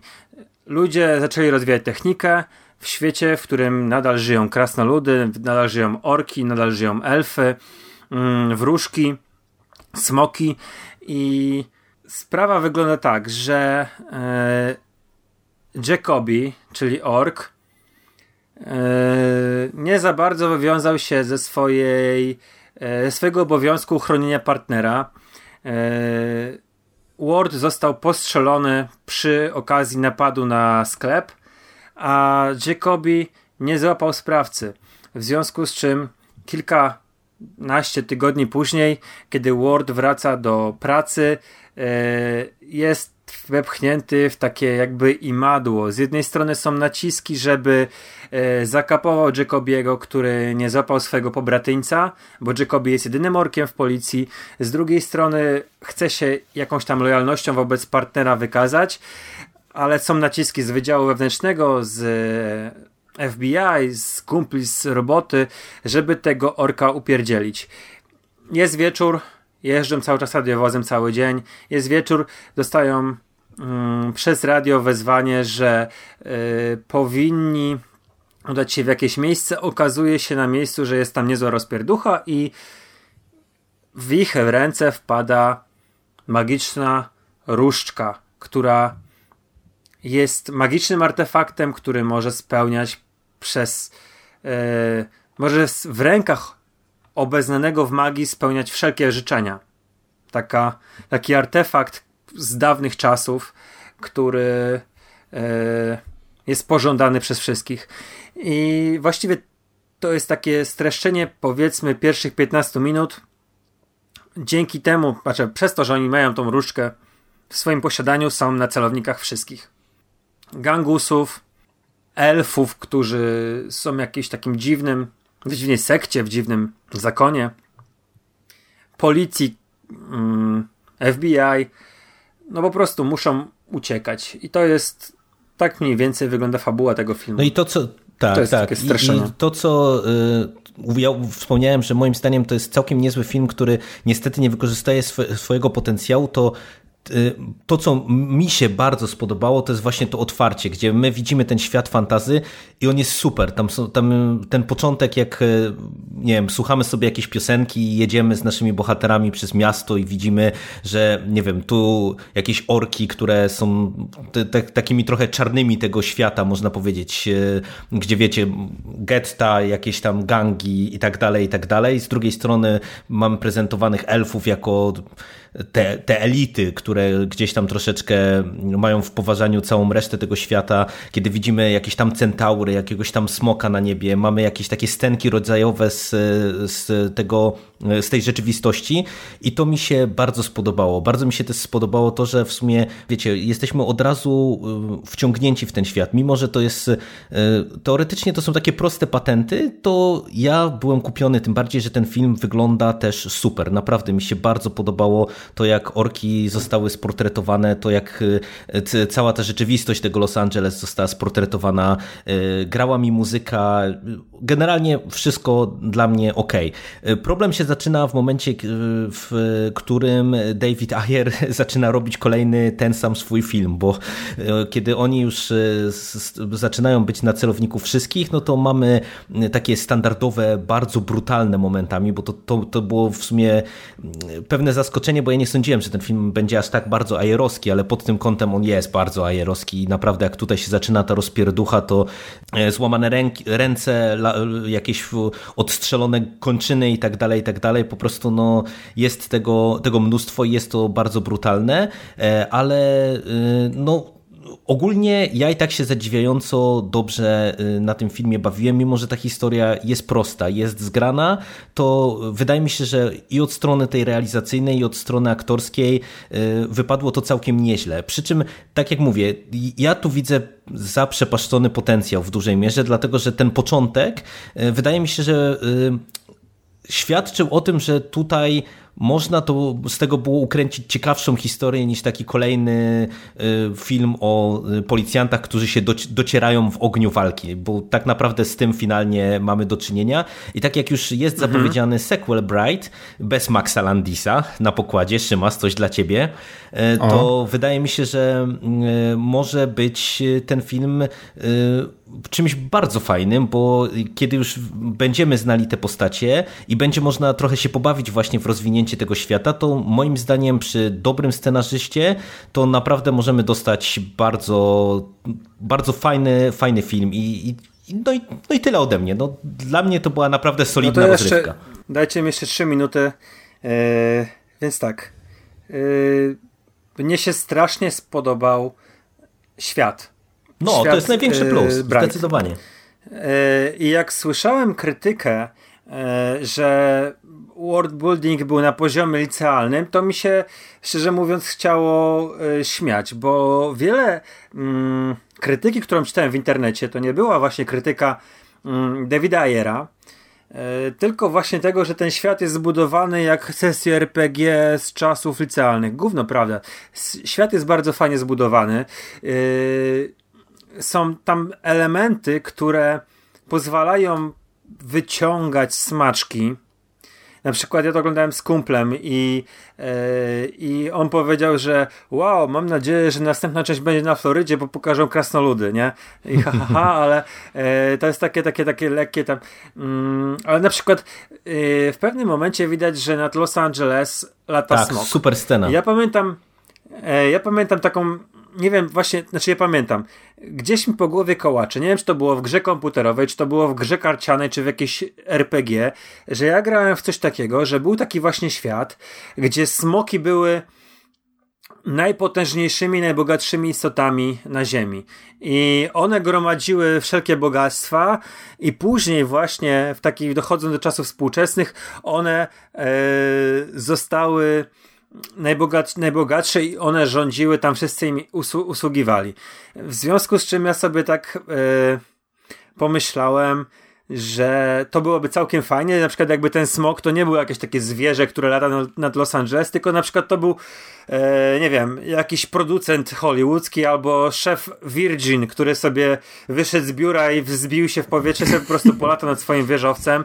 E, tak samo cały ten, tak, takie, to wiesz, miałem taki tysiąc myśli następnego dnia, i tego wieczora, którego to oglądałem, jakby to można było fajnie rozbudować. Ale bo widzisz, bo dotknąłeś sedna problemu, bo to, to jest słabo rozbudowane i ja trochę rozumiem te zarzuty, bo wiesz, y, y, te podziały są takie czarno-białe. Orki, mówię, w gettach, gangi i tak dalej, elfy, elita rządząca światem i na przykład z, te, z tym się nic nie robi. Mamy tych elfickich jakichś agentów FBI i tak naprawdę no to jest taka postać, ale nie która mogłeś, jest... Ale nie, mo nie, można, nie można było z tym nic zrobić, dlatego, że to reżyserował David Ale no tak, Ayer. no to wspomniałem o tym e, właśnie. Facet, facet, który e, jest monotematyczny. Jego zatrudnili do Legionu Samobójców. To nie wyszło, bo ten facet robi filmy o policjantach skorumpowanych.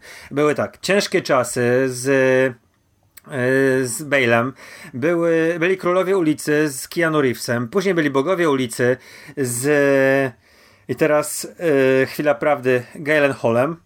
Zrobił Furię też i Sabotaż, tak? W 2014 roku oba filmy. Furia, film wojenny, mi się podobał osobiście, ale Sabotaż znowu. Mi się Furia nie podobała, a Sabotaż to jest katastrofa w ogóle.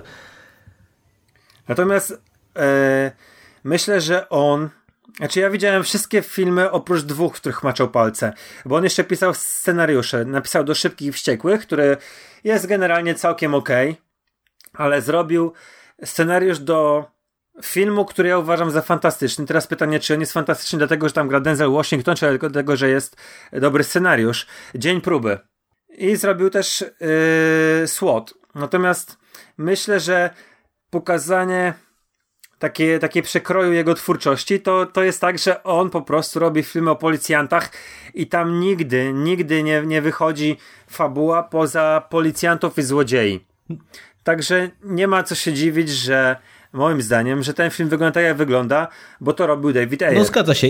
Natomiast gdyby ktoś inny to robił, to by było zupełnie, zupełnie Ale inaczej. Ale to tutaj też e, myślę, że mm, scenarzysta inny by się przydał, bo e, wiesz, jednak to jest duet twórców, nie? Tutaj e, reżyser, no... Nie... Ale może... Tylko, że przepraszam, jedno dopowiem, jak gdzieś też mimik, czytałam i mignęła mi informacja, że Ayer bardzo mocno przypisał scenariusz Landisa, więc no, to, no. To, to by się mogło zgadzać generalnie to, co ty mówisz. I moim zdaniem też jest tak, że jeżeli nawet Landis pisał scenariusz, to pisał go pod Ayera.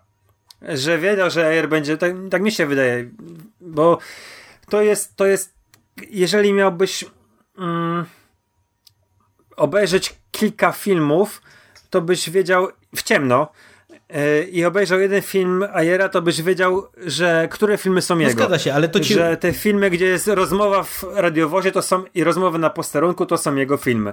To jest po prostu taki stały element, taki e, trochę nawiązujący do tak mnie się przynajmniej wydaje, do, do tego serialu The Shield, które tak bardzo nawiązywał. Myślę, że Air się mocno inspirował tym serialem. No ale to ogólnie, ogólnie podsumowując, y, ja uważam, że to jest naprawdę zaskakująco fajny film. Y, dobry, dobre rozrywkowe kino z nieco zmarnowanym potencjałem. Ja mam nadzieję, że y, Netflix pójdzie po rozum do głowy i oprócz Landisa wymieni także Ayera na stołku reżyserskim.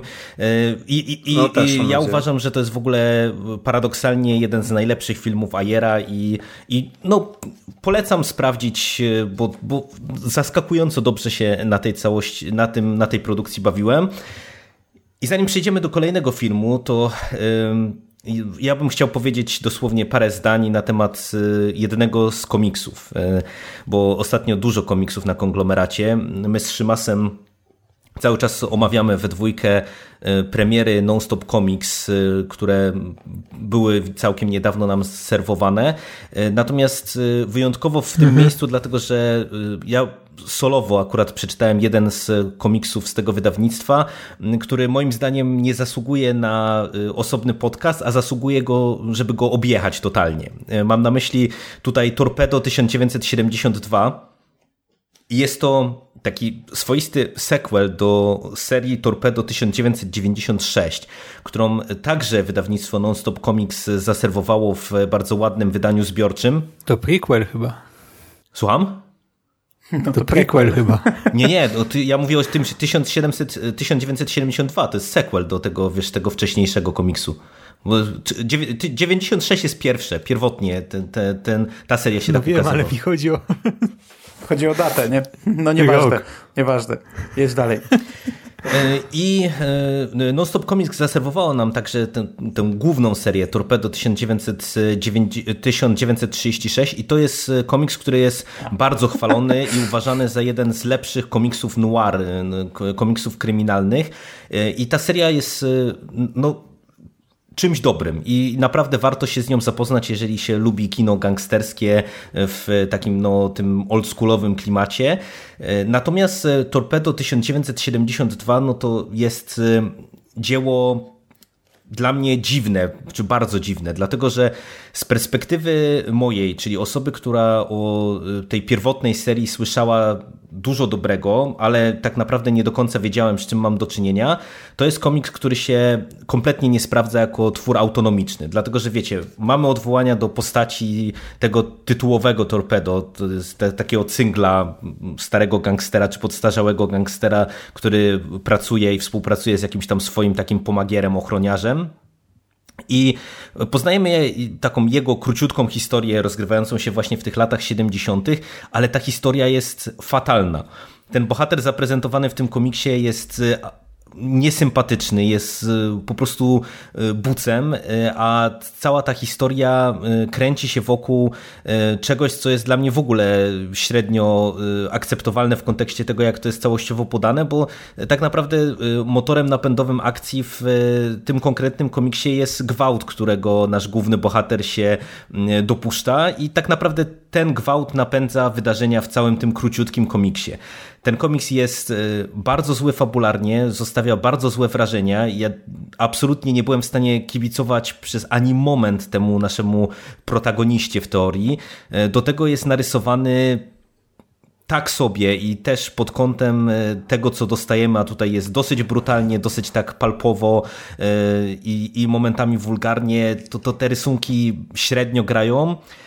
Ogólnie podsumowując, bo tak jak mówię, ten komiks nie zasługuje na dużą ilość miejsca, ja uważam, że trochę Torpedo 1972 robi krecią robotę, to, że został ten komiks wydany, bo myślę, że jako, z tego co czytałem, jako coś dla fanów się nie sprawdza, a jako coś, co by mogło być jako, wiecie, taki zanęta, żeby sięgnąć po oryginalną, długą serię, no to niestety się sprawdza jeszcze gorzej, bo ja na ten moment średnio mam ochotę, żeby sięgnąć po Torpedo 1936 i, i pewnie jak trochę mi ten komiks z głowy wywietrzeje, to jako, że ja lubię właśnie kryminał noir, to, to się pewnie z serią zapoznam i mam nadzieję, że faktycznie będzie dużo, dużo lepsza, ale tego komiksu absolutnie nie polecam, a wręcz odradzam. Bardzo słaby komiks. To dobrze, bo to jest Torpedo to jest chyba jedyny komiks od Non-Stop Comics, którego nie kupiłem z całej tej ich e, serii, tego wszystkiego, co wydali do grudnia.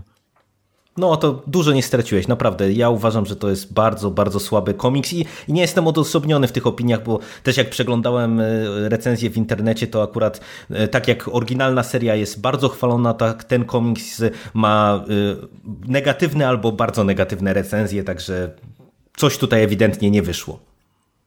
Hmm.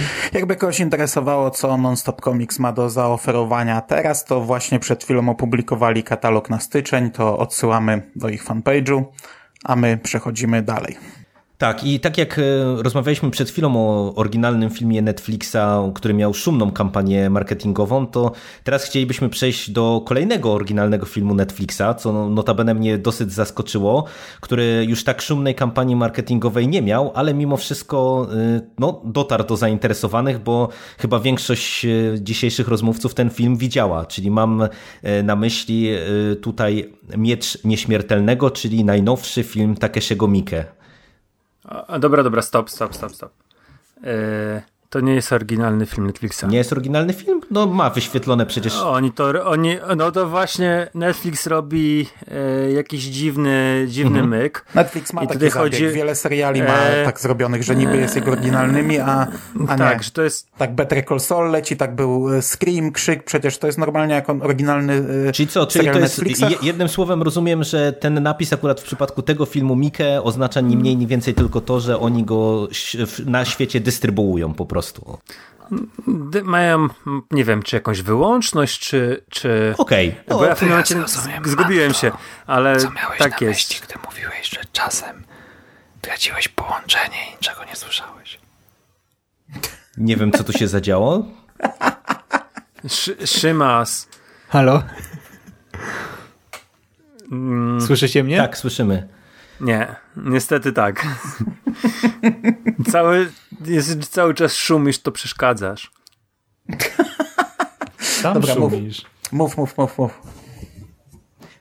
No, nie no, ale to, to dzięki, dzięki, za y, wyjaśnienie od razu z tego miejsca, bo widzisz, ja byłem święcie przekonany, że też y, Miecz Nieśmiertelnego był robiony po prostu dla Netflixa, to tak jak słyszycie, on jest dystrybuowany na polskim Netflixie, ale ja się bardzo ucieszyłem, że ten film trafił, no bo to jest świeżynka. Y, my tutaj z Sikiem się przymierzaliśmy do kolejnego podcastu o jakimś filmie Mike od dawna, no i stwierdziliśmy, że obejrzymy ten film, a Szymas, ty też widziałeś widziałaś Miecz Nieśmiertelnego? Tak, tak, widziałem. I to chyba zaraz na premierze. No to panowie, jak wam się podoba kolejny film Mike, nieco bardziej komercyjny, bo to jest już warto na wstępie zaznaczyć, że to jest kolejna ekranizacja mangi w jego karierze. No, kolejna. Bardzo wiele zrobił ekranizacji e, mangi i przeniósł wiele seriali anime na, e, na grunt mm, filmu. Tak, to jest, to jest całkiem spoko. To, to jest naprawdę bardzo spoko. To, to mm, oglądałem 2,5 godziny prawie to trwa, więc yy, minęło mi to momentalnie. Yy, natomiast jako osoba, która lubi te takie bardziej autorskie filmy Mikę, byłem niepocieszony, bo mimo, że nie czytałem komiksu, yy, mimo, że nie widziałem anime, to yy, spodziewałem się jakiegoś tam autorskiego jego wtrętu.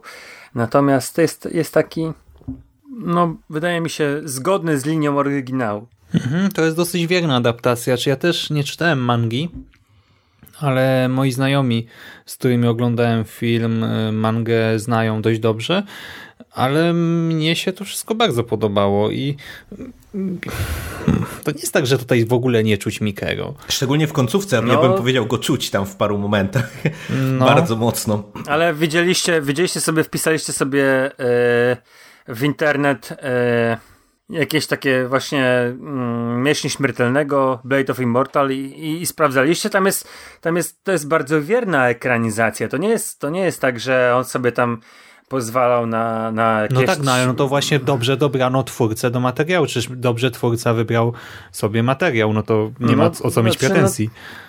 No, no ale a, autorskie, na ile to jest autorskie Mika, na ile to jest autorskie twórcy mangi? No ale to nadal jest dobry, po prostu bardzo dobry film, no więc... Mm. No tak, ja nie, nie, nie twierdzę, że to jest dobry film, to jest dobry film. Natomiast, wiecie, yy, ja jestem przyzwyczajony do Mikke, do Mikke w taki sposób, że na przykład yy, on w pewnym momencie robił 13 zabójców. I to był też, o ile dobrze kojarzę, remake. I film, który poszedł do generalnej dystrybucji miał 2 godziny 20 minut i było 13 samurajów, którzy się zbierali pod przewodnictwem tam powiedzmy dwójki i oni szli wykończyć jakąś ekipę. To byli żywi, normalni ludzie. I dołączał się do nich ten jako tam powiedzmy 13 taki dziwny osobnik.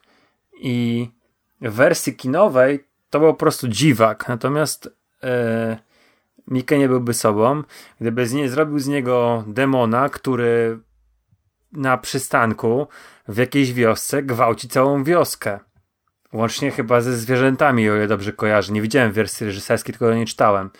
E, I to, jest, I to są takie rzeczy, że ja liczę, że gdzieś ta wersja reżyserska tego Miecza Nieśmiertelnego istnieje, bo, bo to jest bardzo fajnie zrobiony film. E, bardzo krwawy, bardzo przerysowany, z postaciami e, naprawdę e, odjechanymi w kosmos.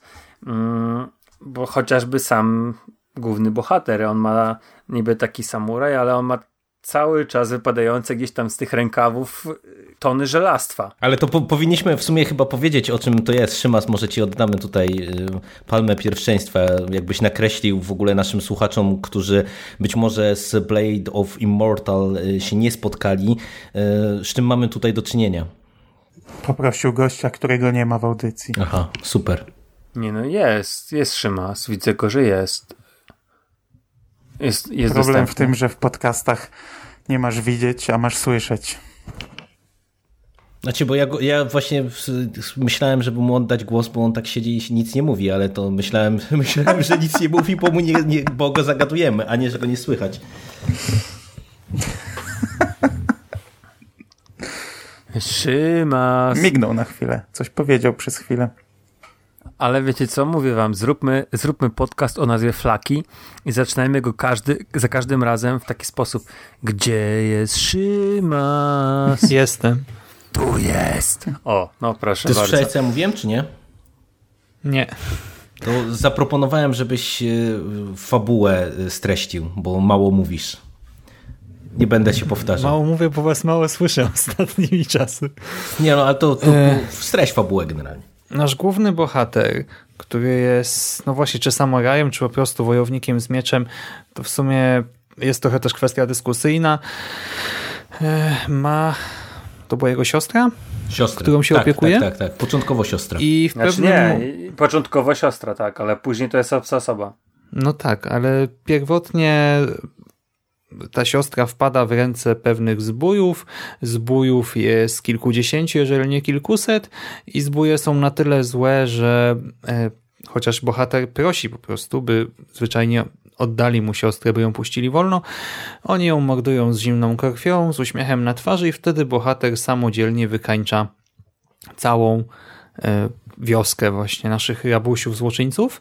Robi to w sposób niesamowity i w ogóle jest to sekwencja tak ładna, tak jeszcze stylizowana na właśnie trochę starsze dzieło. Mamy też filtr czarno-biały, y, który robi piękną robotę i na koniec tak cudowny, szeroki kadr, że człowiek zbiera szczękę z podłogi. No i nasz bohater y, traci swoją y, ukochaną siostrzyczkę, jedyny cel jak gdyby życia, ale zyskuje na skutek spotkania z pewną, no właśnie kim, Mm, nie wiem, Wiedźmą? wieszczką, wiedźmą, y, zyskuje tam tytułową nieśmiertelność. I następnie śledzimy jak jego los e, splata się e, z losami innej młodej kobiety, która jest łudząco w oczach bohatera podobna do jego zmarłej siostry i tutaj dochodzi wątek zemsty. Rodzina naszej bohaterki została brutalnie zamordowana przez przedstawicieli nowej szkoły walki. Szkoły walki, która nie uznaje żadnych zasad, która posługuje się najróżniejszymi rodzajami broni, która wykańcza po kolei e, kolejne dojo w okolicy, tak by ostatecznie tylko jedna szkoła istniała. No i mamy typową historię już zemsty tutaj. Znaczy typową, ale dla mnie w sumie to, co było jakoś tam zaskakujące w tym filmie, to to, że parokrotnie udało się twórcom mnie zaskoczyć, bo jak ja już myślałem, że będziemy mieli do czynienia, wiecie, tak zupełnie linearnie, z zupełnie standardową i prostą historią o zemście i, i o takiej takim pewnym powtórzeniu te, tej relacji na linii brat-siostra, to, to jednak w paru momentach, wiecie, by, były jakieś takie mniejsze lub większe twisty. Znaczy tak, typowa jest ta rama oczywiście, bo w środku jest masa różnych takich detali, które sprawiają, że ta historia jest ciekawa, intryguje i ten film też jest długawy dosyć chyba, nie? No już nawet nie 2, pamiętam, 20, ale ten 2, seans 20. szybko zlatuje. Hmm. No.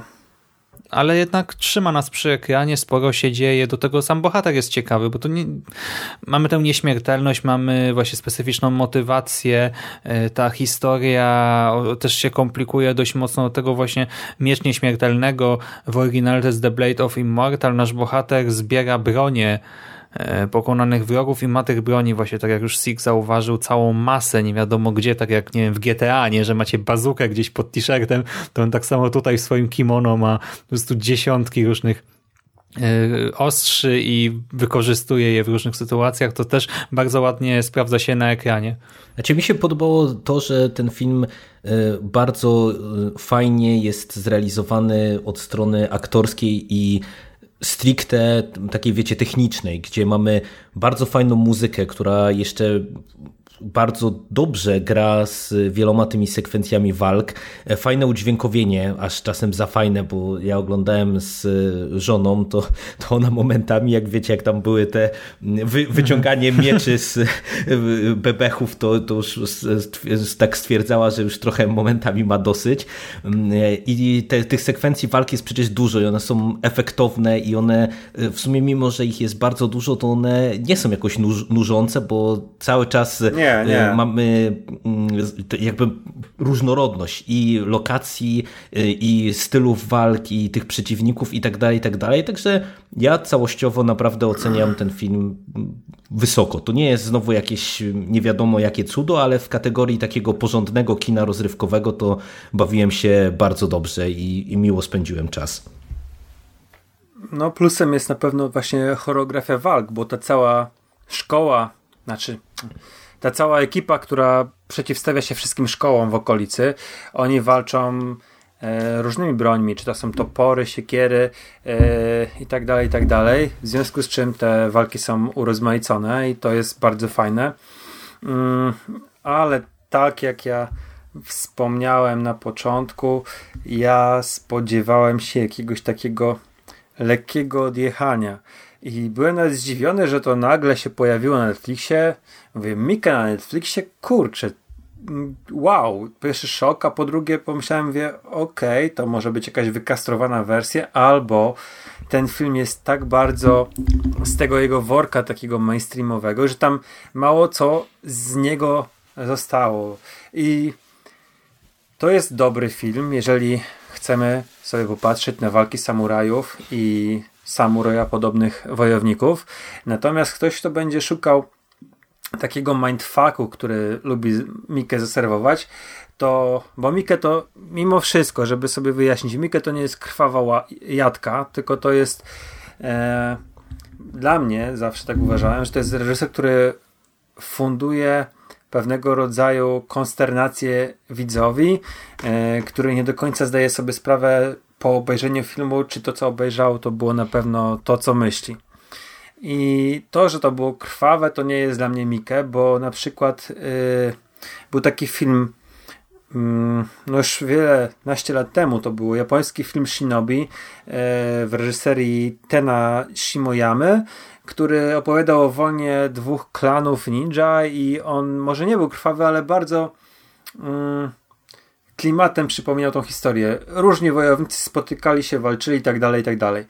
E, natomiast mimo lekkiego zawodu ja bardzo, bardzo Miecz Śmiertelnego polecam, bo e, to jest 2 godziny 20 minut, które zlatują w bardzo przyjemnej, ładnej estetyce e, i można się w tym filmie zgubić. Ja bym polecał nawet zobaczyć i sprawdzić, jeżeli jeszcze na, nasze opinie tutaj Was nie przekonują, y, tę początkową sekwencję, bo ona naprawdę robi piorunujące wrażenie i to jest przez te filtry, przez ten przeskok czasowy, który tutaj mamy, to jest można powiedzieć taka mała etiuda wręcz.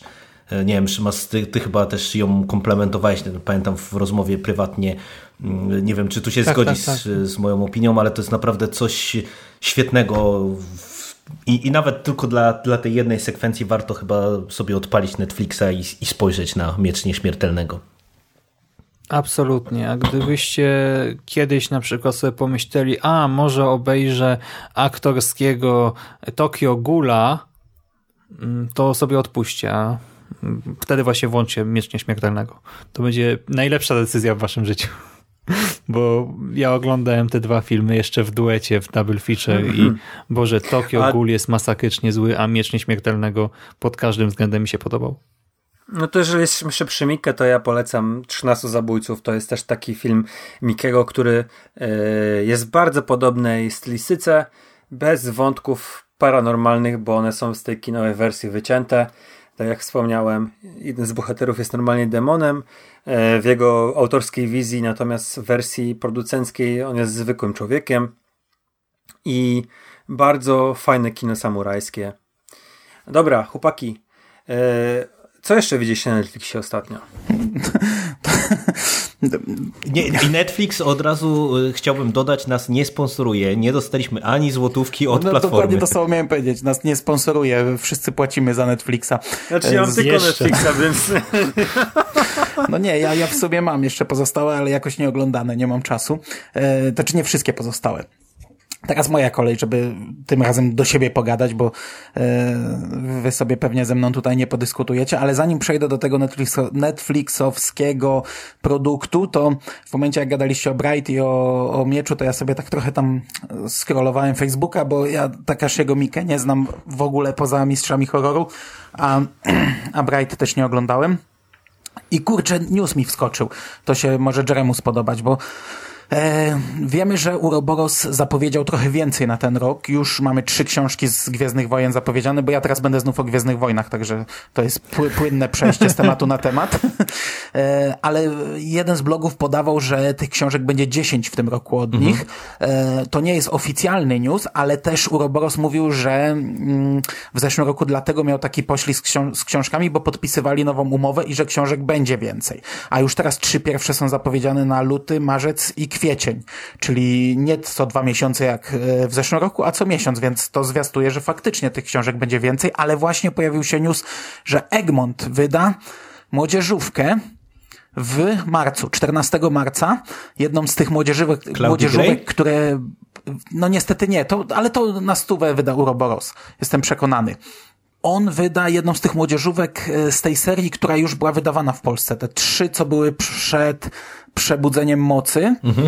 A teraz wyszły jeszcze przed Ostatnim Jedi. Nie wiem, czemu dopiero teraz to wydają, a nie przed Ostatnim Jedi. Cholera, kompletnie bez sensu poślizg. To będzie y, Star Wars Ostatni Jedi Eskadra Kobaltowa. To będzie o tych bombowcach z początku filmu, o Page i o Rose i o pewnie też reszcie załogi. I to może być całkiem fajna książka. Ma 256 stron czyli nie jest aż taka cieniutka, tylko że tam wiesz, no, mm, czcionka jest jak dla, jak, jak, jak jednak w takich książkach dla młodzieży, to No, no, no, te, te, te wcześniejsze, co wydawał Egmont, to było jednak trochę półka niżej, nie Young Adult, tylko jeszcze młodsi, nie? Ale to były fajne książki. Okej, a mówię, że o Gwiezdnych Wojnach będę gadał, bo dosłownie w pięciu zdaniach. E, Pod koniec grudnia Netflix wypuścił serial The Toys That Made Us. E, I to jest serial dokumentalny o zabawkach, o gadżetach, o figurkach, o zabawkach związanych z przemysłem filmowym. Na chwilę obecną yy, są cztery odcinki na Netflixie. Pierwszy jest o Gwiezdnych Wojnach, drugi o Barbie, trzeci o Himenie, a czwarty o G.I. Joe. Czyli połowa serialu jest o rzeczach, które bardzo lubisz. Przynajmniej połowa. No, byłem na nowej Barbie, nie mówiłem jeszcze w e, konglomeracie. O patrz, kurczę, może w tym, w przekaście o tym powiem, bo stwierdziłem, że to się na osobny podcast nie nadaje. Ym... No właśnie, ja widziałem tylko ten pierwszy odcinek. Jeszcze będzie z tego, co widzę, o Hello Kitty, też lubię. E, chociaż poznałem niedawno dopiero o Transformers i o Star Treku. Ale e, co jest plusem tego serialu? Podobno, bo ja widziałem tylko pierwszy odcinek, że nieważne, czy to lubisz, czy nie. Wiesz, to jest o przemyśle zabawkowym. E, jeśli nawet żaden z tych tematów cię nie interesuje, to serial i tak ci się może spodobać, bo to tak działa. To tak samo jak masz filmy o, nie wiem, o jakichś nerdach, o geekach. Nie musisz lubić tego, co oni, a jednak odnajdujesz się w tym, nie? Widzisz to, czujesz, e, widzisz e, siebie w tym. A tutaj masz ten serial o przemyśle zabawkowym i to jest bardzo dużo takich zakulisowych ciekawostek. To są na pewno rzeczy, które już gdzieś tam wcześniej wypływały, no ale ja przyznam, że ten 50-minutowy odcinek o Gwiezdnych Wojnach ja tam w zasadzie same nowości miałem. Y, to były rzeczy, o których ja wcześniej nie słyszałem i to były cholernie ciekawe. Bardzo dużo ciekawostek, naprawdę bardzo dobry odcinek. Podobno pozostałe są równie dobre. Mhm. Ja przecież właśnie się Gwiezdnymi Wojnami w ogóle nie interesuję, ale jak śledziłem to, co tam nam wypisywałeś, to aż sam miałem ochotę obejrzeć ten serial. Bo, no to są fascynujące no, ciekawostki. Fascynujące ciekawostki cuda, tak, dotyczące tak, kontraktów, dotyczące właśnie małych firm, mm. dotyczące jakichś, jakichś zakulisowych problemów z tym związanych. E, fascynujący odcinek. Jeśli, nawet właśnie, właśnie to jeszcze bardziej może trafi do ludzi, którzy e, nie śledzili do tej pory, bo ja niektóre z tych rzeczy słyszałem. Mało, ale, ale niektóre tam gdzieś mi się już wcześniej obiły o uszy, a, a tu naprawdę są, są e, bardzo ciekawe rzeczy. Na 50 minut idealny, idealny odcinek, idealny czas. Ja myślę, że to jest dłuższe, bo ty tam tyle tego wypisywałeś i ja, ja miałem wrażenie, że cały A jeszcze co ciekawe, to jest przegląd od początku do czasów obecnych.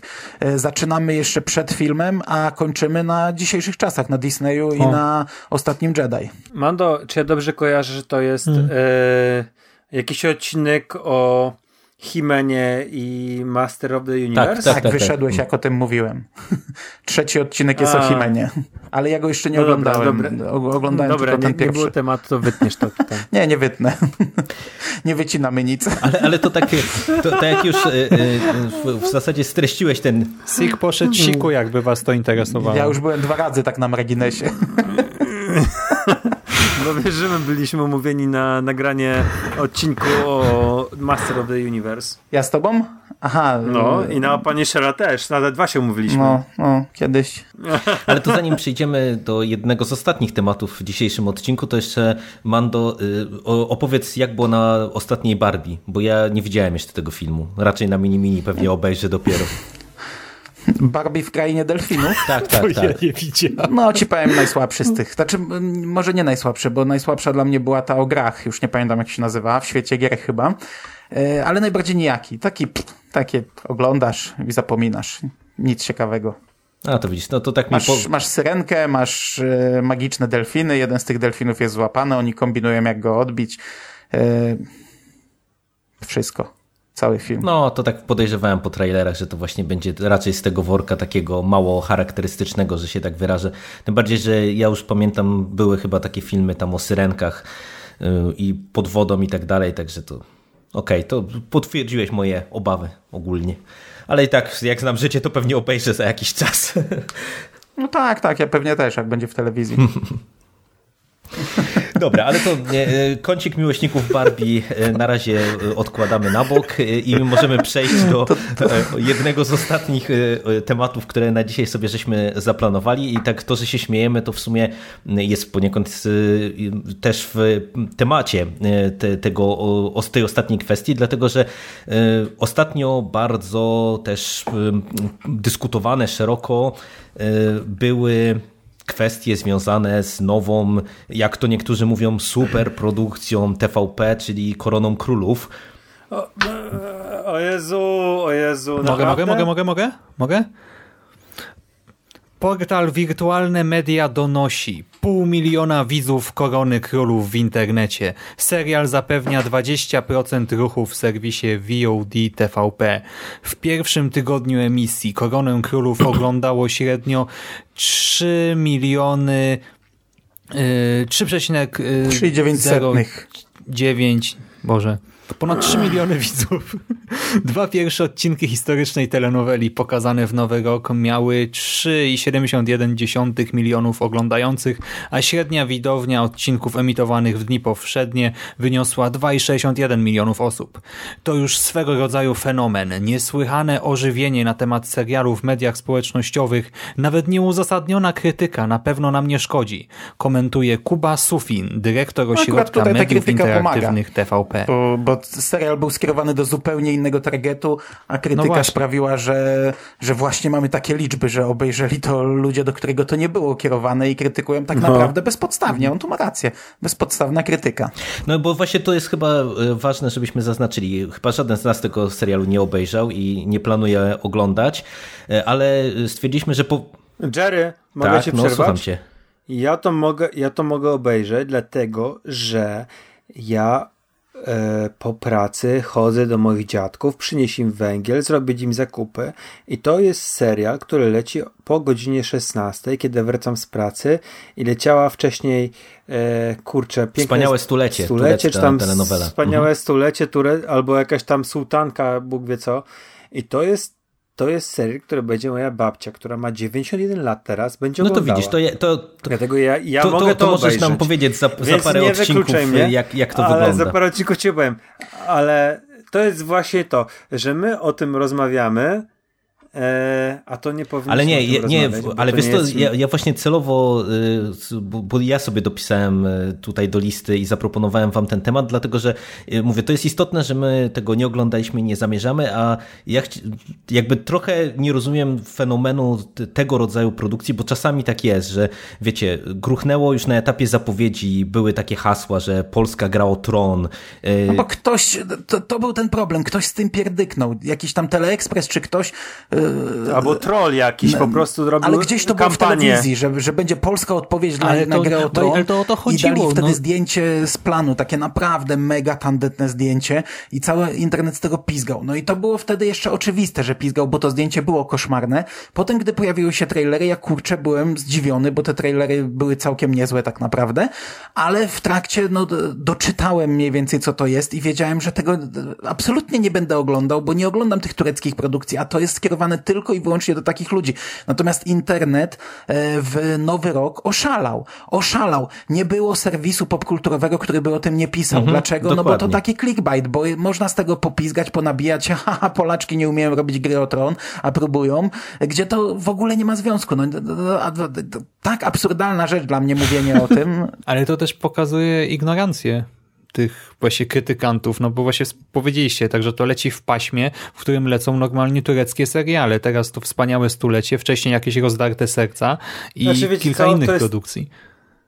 To jest tak, Tego że e, mamy pasmo telenowel i nieważne jak one by e, nie, nieważne jakie by były one produkcji, one będą bardzo, bardzo podobne e, swoją budowę, budowę se, se, serialu, se, mm, scenariusza, to wszystko jest bardzo ja wiecie co, no przyznam się szczerze. Pięk, Oglądasz, e, piękne stulecie, czy tam no oczywiście, że oglądałem, bo byłem codziennie u babci, bo wiesz, przynosiłem węgiel, wracałem z pracy, przynosiłem węgiel, robiłem zakupy, robiłem jej e, jakieś tam pierdoły, e, sprawunki domowe. I ja to oglądałem chcąc nie chcąc, bo babcia jest głucha i, i telewizor na cały regulator. I to jest mm, to, to, to jest jakby, no nie wiem, bańka, w którą wchodzisz i obejrzałeś dwa odcinki, jesteś tydzień później znowu bierzesz dwa odcinki, a trzy miesiące później pojawiasz się u babci, kiedy już nie musisz przychodzić, bo już jest sezon niepalenia w piecu. Eee, I babcia ci opowiada ten serial i ty kurde wiesz o co chodzi. Ja podejrzewam, no tak że... z wszystkimi telenowelami było. Nie? Eee, tak, Z tego tak. czasu oglądałem ja... Klan, oglądałem jak, M jak Miłość, to też by można było dwa miesiące nie oglądać. I podejrzewam, że tak samo będzie, jeżeli w grudniu zapowiadali, że to będzie telenowela, jak się pojawiło. To jest telenowela. Eee, i oni mówili, mamy kilkadziesiąt odcinków nakręconych. To nie wiem, czego ale, ale właśnie to jest, to jest to, co mnie irytuje w internetach w obecnym czasie, bo to jest taka sama sytuacja jak z tymi dokrętkami w przypadku solo, gdzie też jedna informacja e, powoduje falę nienawiści i tak samo jest w przypadku tej Korony Królów, gdzie e, wiecie, ja widziałem parę takich e, opinii, które osób, które się gdzieś tam za to wzięły, mniej więcej ze świadomością tego, albo nawet po prostu ze świadomością tego, z czym będą miały do czynienia i, i gdzieś tam tonowały trochę tę falę wesołości albo właśnie bulwersu, co to za gówno telewizja polska produkuje, ale ja tego nie rozumiem i nie popieram, że nagle tego rodzaju rzeczy właśnie lądują w serwisach popkulturowych różnego rodzaju. No, no bo to wiecie, no. to jest rzecz dla mnie niezrozumiała. Nie? To tak jak mówisz, no to jest targetowane pod konkretnego odbiorcę, robione tak, żeby ten odbiorca się poczuł jak w domu i analizowanie Y, prawdy historycznej, y, analizowanie tego, czy y, tutaj postaci się zachowują wiarygodnie i tak dalej, i tak dalej, no moim zdaniem nie do końca ma sens, bo nikt nie analizuje, nie analizuje, nie przypominam sobie przynajmniej, żeby blogi popkulturowe rozpisywały się o tym, co tam było w klanie, albo jak reklamy były ale nie, Jerry, była e, ta faza No na ale wiesz, ale to, tracza, to też było na, na zasadzie takiej, że to była bardziej faza na tracza, na zasadzie na takiej jako e, popkultura, popkulturowej takiej gierki, niż, nikt, niż tego, że ktokolwiek to oglądał. No bo proszę cię, oglądał ktoś plebanie z was? Co? No, no, był, no ja był wiem, taki że coś motyw. takiego no. jest, ale wiem, wiem, mój ojciec oglądał e, i to przez jakiś czas był nawet fanem. Ale wiesz, no, e, bo my, my nie umiemy internetu robić też, e, nie zapominaj, no nie, nie, pisaliśmy nic o Smoleńsku, a blogi popkulturowe pisały. Nie pisaliśmy nic o, i, i w życiu nigdy nie, będziemy e, mówić o żadnych botoksach czy innych ale wiesz co, ja bym się wstydził, bo yy, masz taki kanał zasubskrybowany, ja też go mam, jakby nie patrzeć. I oni nagle się pochylili nad taką rzeczą jak Korona Królów. No kurde, serio? Ale oni tam mocno też nakręcali to pizganie z tego. No właśnie, yy, właśnie to mnie trochę, o, no, trochę mnie no. to zniechęciło do Kai i do tego e, kanału, bo mm, znam ją od nastu lat, jak Popcorner prowadziła. Znaczy znam ją nie osobiście, tylko jako personę internetową. I, i szczerze mówiąc, e, wiele rzeczy, nie zgadzałem się z jej zdaniem w wielu, wielu sprawach, naprawdę wielu, wielu, ale e, to, że ona nagle zaczęła reklamować Koronę Królów, a to zabawna sprawa, bo ona się, to się zbiegło z tym, że TVP wykorzystało na okładkach DVD jej, gwiazdki, e, jej tak, grafikę tak, tak. do mhm. artystów, tak, jej gwiazdki do artystów, nie? Do swojego zdjęcia, ale tam Kaja zrobiła takie gwiazdki, jakieś tam. No takie, jak oni mają oceny, to jest, jak ktoś zna, tak, jakby tak. nie patrzeć, to nie mają tam te takie gwiazdkowe oceny po mhm. prostu. I to się zbiegło i w pewnym momencie nawet mówię, o kurde, TVP yy, dziabnęło im grafikę, o kurcze, no to jednak to będzie... Yy, tak stanąłem w, tym czymś po stronie, jakby nie patrzeć. I później e, doczytałem to jechanie po Koronie Królów i, i się złapałem za głowę. Ja mówię, kurde, straciliście dla mnie e, w jakiś sposób, powiedzmy, 70% swojej sw swojego takiego, no nie wiem, dla mnie, nie wiem jak to nazwać nawet, ale wiarygodności. Ale powiedzmy. wiesz, ja też bym nie chciał tak personalnie wyjeżdżać do konkretnych A serwisów, ja, nie? Nie, ja personalnie, bo to było wyliczone pod... No ale właśnie e, każdy, od... każdy jest masa serwisów internetowych, które tylko i wyłącznie po to, to ci nikt z nich nie obejrzy trzeciego odcinka. E, ja miałem nagrywać i może jeszcze będę, nie wiem, podcasty dla takiego nowego serwisu Serialomaniak.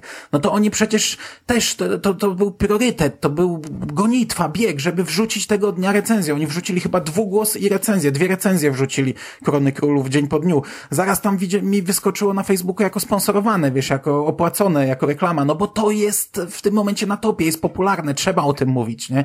Tylko, że największy problem jest taki, że oni z tego pizgają e, bezpodstawnie, bo to jest bardzo możliwe, że bardzo dobry serial w swojej dziedzinie. No, tak prawdopodobnie jest.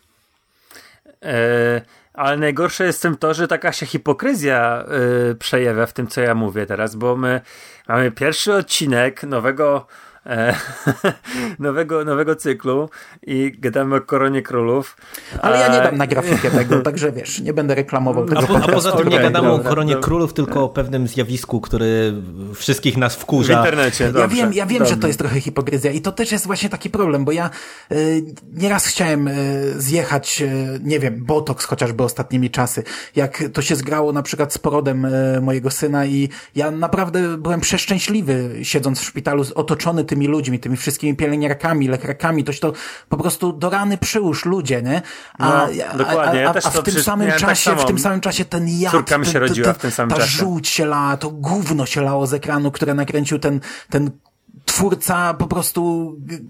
Twórca. No. Tfu no tfu, twórca i, i, i to mi się tak zestawiło ze sobą i, i też chciałem napisać, że, że, że w zasadzie gardzę nawet e, samym mówieniem o tym filmie, jakim, jakąkolwiek wzmianką, że wszyscy wy, którzy gdziekolwiek, chociażby na swoim fanpage'u napisaliście zdanie o tym, to przykładacie się do całego fenomenu tego człowieka, bo każdy sobie zdaje sprawę, że ten film jest do dupy, yy, ale mimo wszystko musi o tym napisać, że jest do dupy, tak, nie? Tak, to, no to i, jest i, i w tym momencie sobie pomyślałem, kurczę, ale jak o tym napiszę, to będę jednym z nich.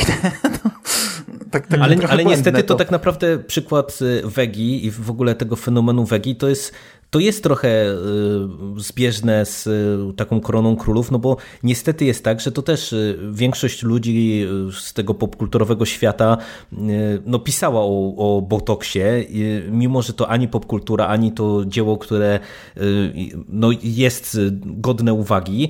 I ja na przykład też no się zastanawiałem, czy o Wedze czegoś nie nagrać, bo ja pamiętam, że w którymś momencie obejrzeliśmy tego drugiego Pitbulla, y, nie, te, nie to coś z kobietami, tylko ten wcześniejszy, tam nie pamiętam.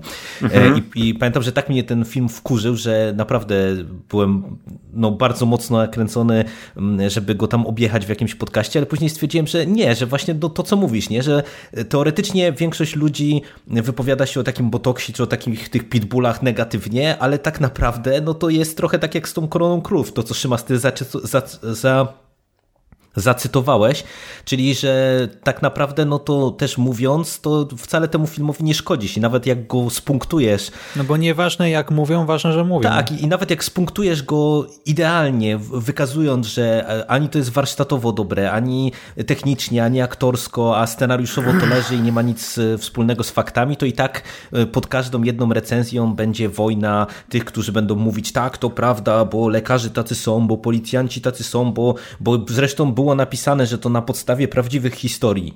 Nie? A to, że to nie jest prawdziwe życie, tylko po prostu fanaberia y, pana, który odkrył, jak robić tani i szybki pieniądz w, naszym cudownym kraju, no to jest inna kwestia. Ale wiesz co, to jest straszne, bo Vega zaczynał od e, Prawdziwe Psy, takiego serialu paradokumentalnego, który leciał na jedynce. I on leciał przed Pitbullem i na nim jest wzorowany Pitbull. Tam jest pokazywany właśnie między innymi Sławek, świętej pamięci.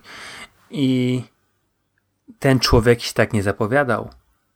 Ten człowiek się zapowiadał jako naprawdę gościu, który stoi po stronie tego wszystkiego, co mm, jest krzywdzone, ale nie e, nie z zewnątrz systemu, tylko w systemie. On stał po stronie tych policjantów, on stał po stronie e, też ofiar systemu, ale on pokazywał, jak.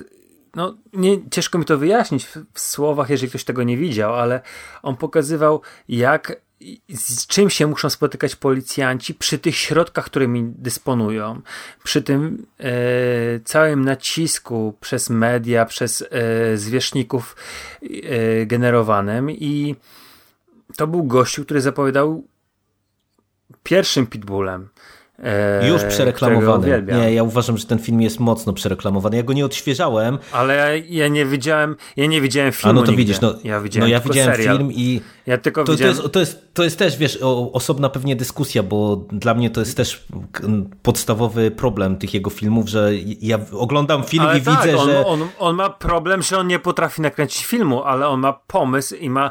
E, on w tych pierwszych swoich tych miał, miał dobre chęci. No tak, a potem Natomiast... zaczął zarabiać i mu odwaliło Zresztą teraz ja akurat o samym e, Wedze nie czytałem, ale widziałem masę wywiadów, w których aktorzy nawet się przerzucają właśnie takimi argumentami, że no ktoś tam zagrał, no bo kasa, tak, a ktoś inny nie zagra, ma gdzieś pieniądze i ale ma gdzieś wegę i tak to, dalej. Co, to, to, co on sam mówi, że go natchnęły tak, Duch Święty jakieś tam go, wyższe go, siły, go natknął, tak, tak, I, tak. I, to, jest, to jest karygodne, wiesz, to jest karygodne, jeżeli... No ale to też działa jako patrzy... clickbait po prostu, no on się teraz sprzedaje na każdym kroku i po to jest ta kontrowersja, po to są te bluzgi, czy nagość, czy seks w trailerach, ależ, bo to się sprzedaje, to jest, to o tym się mówi i tyle. No, wiem, że to jest tanie i nienawidzę tego, ale...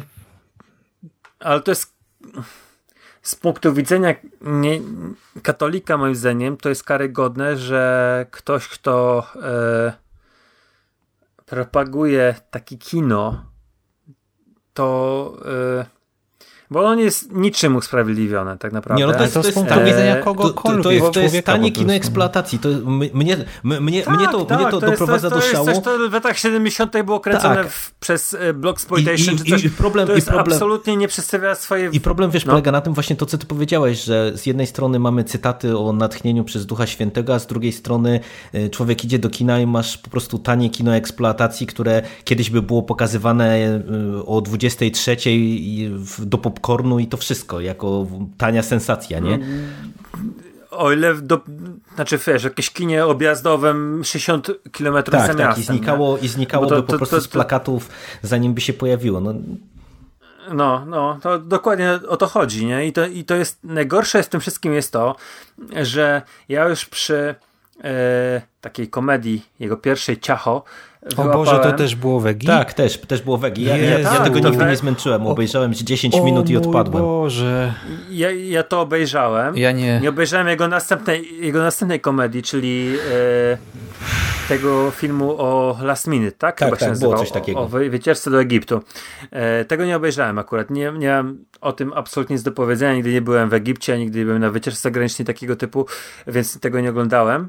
E, natomiast Ciacho ciacho ma budowę, która zaczyna się od pasty, e, czyli od wyciągania pierścionka z zaręczynowego e, z ciasteczka, później gdzieś tam czyszczenia go w wodzie i to, to się zaczyna w kawiarence i to jest pasta.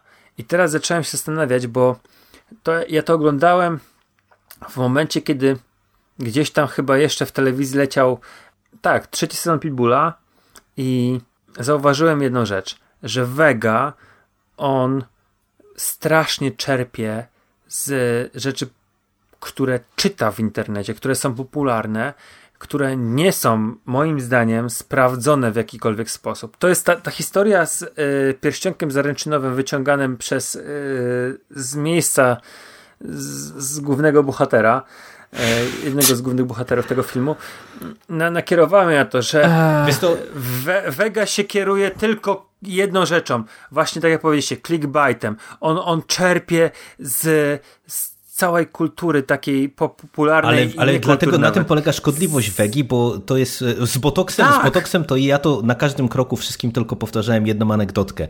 E, cały też popkulturowy światek e, bardzo się naigrywał z tego, jak tam wyciągnięto z jakiegoś ogłoszenia do castingu, że poszukuje się aktorki, która będzie miała zagrać w scenie poniekąd seksu z psem, czy że jest zakleszczona z psem. No i oczywiście po, po stosunku z psem żeby nie było. No i oczywiście y, to, to, od razu wypłynęło jako historia prawdziwa. No i tak a propos tej historii prawdziwej, to wam też mogę opowiedzieć e, historię ze swojego życia wziętą, że te, tę historię, tę, tę konkretną historię, nie, ale to, to się śmiecie, ale to właśnie pokazuje to, co ty, Sik, mówisz. Jak on bardzo czerpie z e, takich miejskich legend różnego rodzaju, bo dokładnie tę historię mi opowiadał kumpel w liceum, który, które, którą to historię opowiadał mu, a to ja, jak ja byłem w liceum, to było 20 lat temu, e, którą jemu opowiadał starszy brat, który usłyszał od, swo, od, od, od, od swojego kolegi, którego mama e, e, była ginekologiem. I, Tą kobietą. I, I, ona, I ona nie, i ona mu to opowiadała, nie? Że, że ona miała taką sytuację i że to było u nas w mieście, nie? Tylko to wiecie, na zasadzie takiego łańcuszka. I teraz ja widzę mhm. tę historię, która już wtedy była cholernie niewiarygodna. Widzę ją po 20 latach w filmie, który jest opatrzony, oparty na prawdziwych wydarzeniach, nie? I Vega, i, i, Vegas, i Vega y, to, co robi najgorszego, to właśnie, że on tego rodzaju po prostu pierdoły, miejskie legendy, jakieś sieciowe szambo i, i różnego rodzaju historyjki, które z prawdziwym życiem y, nie mają nic wspólnego, sprzedaje ludziom jako prawdę, a tempę, tępy naród po prostu to kupuje, a niestety mnie wkurza też to, że właśnie te, te, cały ten blogerski świat Kwiatek y, po prostu pompuje mu kabzę, opowiadając o tym na prawo i lewo i naigrywając się właśnie z różnego rodzaju tego, z tego rodzaju elementów. Dobra, to teraz dwie rzeczy. Czekam na jedną rzecz od Wegi, jak y, będzie wysyłał studentów z 11 piętra akademika w kartonach z misją na Marsa. E, bo to jest dobre, do, dobra pasta, jeżeli chodzi, creepypasta, jeżeli chodzi o takie rzeczy, Urban Legends. A druga rzecz, mm, z tym wszystkim się jedna rzecz mi nie łączy, bo mimo wszystko przed tym jego powrotem do Pitbulla był taki film Służby Specjalne. Nie mów, że ten film ci się I... podobał. No nie, ja byłem na tym, niestety musiałem pójść, e, mm, bo szliśmy na Dzień Nauczyciela. A to jest ten, jedyny na tym raz... filmie oglądałeś Doktora no, Hu chyba, nie? Na I to telefonie? był jedyny raz, gdzie w kinie oglądałem na komórce Doktora Hu. nie oglądałem filmu, tylko siedziałem i oglądałem Doktora Hu. No bo widzisz, ja wierzę w nie w żadną jakąś konspirację wielką czy coś takiego, tylko ja wierzę w coś takiego, co lubi się mm, pojawiać w, w, różnych mediach w jakiś tam sposób. I to jest ciekawa sprawa, bo ja, e, par, ja, ja drogówki Smarzowskiego nie widziałem przy premierze, yy, nie widziałem kiedy ten film leciał w telewizji, tylko yy, my już w pracy, bo też byłem z ludźmi z pracy, yy, o ile dobrze kojarzę, może coś przeinaczam. Nie, ja byłem ze znajomymi, ale z ludźmi z pracy gadaliśmy o tym filmie i, mm, i ktoś mi powiedział, w, podobno, podobno to jest podobne do drogówki Smarzowskiego. I ja obejrzałem powiedzmy w czwartek drogówkę, a w piątek poszedłem na służby specjalne. I tam jest bardzo, ale to bardzo podobny. E, no nie powiem, że klimat, nie powiem, że yy, to sama, to samo zawiązanie akcji, ale jeżeli się obejrzy te filmy po sobie, to jest coś takiego, że mimo, że to są różne filmy, to one się w jakiś tam sposób łączą. Z jednej strony masz policjantów, którzy są zamieszani w jakiś głębszy przekręt, z drugiej strony masz zupełnie coś innego, ale w tych takich drobnych fragmentach wychodzi na to samo że jest jakaś tam ziemia wykupywana, no wiecie o co Ale chodzi, wiesz, to, tak? to, tylko, że to jest, I... to jest znowu... Wiem, mhm. to, jest, to nie jest nic nowego, nie? Ale jeżeli e, patrzeć sobie na te historyjki, że są jacyś ludzie angażowani gdzieś do takich rzeczy i dlaczego może to robić skorumpowany gliniarz, a dlaczego tego nie może robić gościu, który został zwolniony z WSI? Wiesz o co mi chodzi? To, dla mnie to nie był film niewiarygodny. On był znaczy, wiesz, to niestety, mało atrakcyjny, ale nie, tylko, ale tylko że ten, ten film pokazuje e, klinicznie, że e, Vega jakby chciał, to mógłby robić niezłe filmy, bo Służby Specjalne jest filmem, który e, jest dobrze zrealizowany, tylko on po prostu nie umie w scenariusz, bo, bo to jest problem, że on pisze do tych swoich filmów no, scenariusze, a no. Służby Specjalne jest filmem moim zdaniem scenariuszowym katastrofalnym, bo jak ja jestem w stanie zrozumieć tak. Y, to, to, o czym ty mówisz, czyli że wiesz, że pewne elementy, które gdzieś tam widzimy w mediach, y, tam się pojawiają i tak dalej, i tak dalej, to jest atrakcyjne, ale jak ja... Ale, ale, ale jak, nawet nie ale chodzimy ja, o media, tylko po prostu gdzieś Ale taka... wiem, no ale, ale to jest taka hmm. pewna powtarzalność popkultury, ale jak ja widziałem w Służbach Specjalnych tego aktora, który jest nikim innym tylko Macierwiczem, albo jak widziałem aktora, który jest nikim innym tylko Leperem, to się za głowę łapałem i myślałem sobie, Jezus Maria, Vega, ty kurde debilu, to, to jeszcze napisz mu po prostu na krawacie ale... leper, leper, ale miałeś, leper, żeby, żeby ale... wszyscy zrozumieli, jak bardzo subtelnie ty pokazujesz, że służby specjalne w Polsce zabiły lepera. Tak, czytałem też o tym w jakichś szmatławcach na dziesiątej stronie, jak WSI wykończyło Lepera, bo y, sprzeciwił się tym wszystkim skorumpowanym politykom. Tak, wiem o tym, ale to nie wciskaj mi tego w tym filmie i nie sprzedawaj mi tego jako prawdę objawione. A on to robi nagminnie. No, no nie, no to, to jest katastrofa. Ale on nie mówi, że no to jak jest nie prawda. Mówi? No jak, jak nie? Mówi? No mówi ci. Przecież ten on... film się też zaczynał tak jak wszystkie jego ostatnie filmy, oparte na prawdziwych, na prawdziwych wydarzeniach. No proszę cię. Naprawdę no, tak ja, było? Ja, Bo ja, no, to, ja nie może to, nie to ja, ja, ja, też może, ja moje, jest... moje, może bohaterowie, no, myślę, że chłopaki, tam nie było takiego tekstu, jestem tego, jestem o tym No ja muszę to sprawdzić, bo ja jestem prawie pewien, że to, to było i no, dla mnie to jest naprawdę karygodne, nie? Nie, zresztą nie dyskutujmy, kurde, gadamy znaczy, od okay, 15 no minut o Wedze i zaraz o, się wkurzę na noc, nie? Dobra, ja bym chciał zadać jedno pytanie e, a propos tego serialu, o którym mówiłeś, Mando. No mów. Bo mnie to, bo mnie to tak trochę zaczęło e, zastanawiać, ja widziałem to, że to się pojawiło i, i, i miałem to obejrzeć, ale szczerze mówiąc nie miałem czasu. Mm, ale sobie pomyślałem o innej rzeczy, bo niedawno wrzucaliśmy na tym takim naszej grupie e, kingowej, wrzucaliście pop popy, tak? Mhm. Pop-upy, czy tam jak się mhm. nazywają, te takie figurki. I chciałem wam zadać jedno pytanie, bo e, czy wy zbieracie figurki? Bo to jest ciekawa sprawa, bo ja na przykład nie zbieram. bardzo mało, ale powiem, bardzo mało. Ja też nie zbieram. Za duża kasa. Ja mało, bo kasa idzie na książki i komiksy. I gry, znaczy ja ogólnie mam dużo filmy. takich gadżetów pierdół, ale nie zbieram jakoś seriami, bo mam znajomych, którzy, wiesz, zbierają konkretne serie albo konkretne postaci. Mhm. E, ja nie, bardzo mało. Jak od kogoś dostanę w prezencie albo takie właśnie jakieś gadżety kinowe, jakieś gadżety, które są pod film robione, tego typu rzeczy. Samych figurek mam bardzo mało. Bo ja w domu A jeszcze nie zadałeś pytania. Aha, to było to pytanie, tak? No to czy zbieracie, ale ja mam na przykład tylko trzy figurki, ale to są takie figurki tam z serii Mario z McDonalda, nie? Gdzie tam sobie je kupiłem, e, ale ja nie zbieram. Natomiast kiedyś wygrałem figurkę e, Larry Croft i mam takiego kumpla, który zajmuje się tym, jest spekulantem internetowym w ogóle, kupuje e, wiele egzemplarzy, na przykład kolekcjonerek i później sprzedaje drożej i tak dalej. Mm, ja, ja kupiłem, znaczy ja wygrałem e, figurkę Larry Croft, którą później dałem w ogóle w prezencie, nigdy nie miałem w domu niewystawionej. I on mi powiedział jedną rzecz. Nie wyjmuj z pudełka. No, i, no, no, no, tak, no, ale to, ja mówię, ale to teraz znów ja temat nie wyjmuj spod... na dłuższą dyskusję. No. no. prosty temat, e, gdzie masz zero-jedynkową odpowiedź, a nie przegadamy się, więc też e, nie wiem, czy jest sens w to wchodzić. No ja nie wyjmuję z pudełka figurek.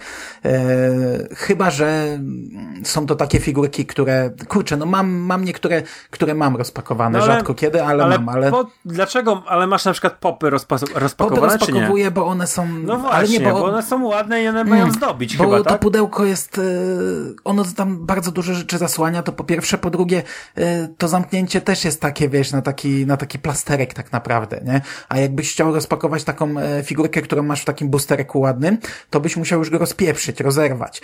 A figurki takie właśnie, które są z kartonem z tyłu i z, są włożone w tą wytłoczkę plastikową, one jednak dają klimat fajny, według mnie. Po wyciągnięciu takiej figurki, no to masz, masz coś, co znika moim Kena, zdaniem na Kena półce. i Barbie, nie? No rozumiem. A ja, a, a to, wiesz, jest dodatkowa grafika zawsze na tym, jakieś, jakieś fajne logo filmu, tego typu rzeczy i mi się to podoba. Na przykład, gdybym miał figurkę z tych bardzo drogich, które są w kartonie zamknięte i ich nie widzisz, no to oczywiście, że mnie wyciągną, nie? Jakbym sobie kupił jakiegoś Vadera za, za, za, nie wiem, za tysiąc złotych, to on jest tak przekozacki, że po postawieniu na półkę, to tam, wiesz, bym się modlił wieczorami, a sam karton bym sobie postawił gdzieś obok.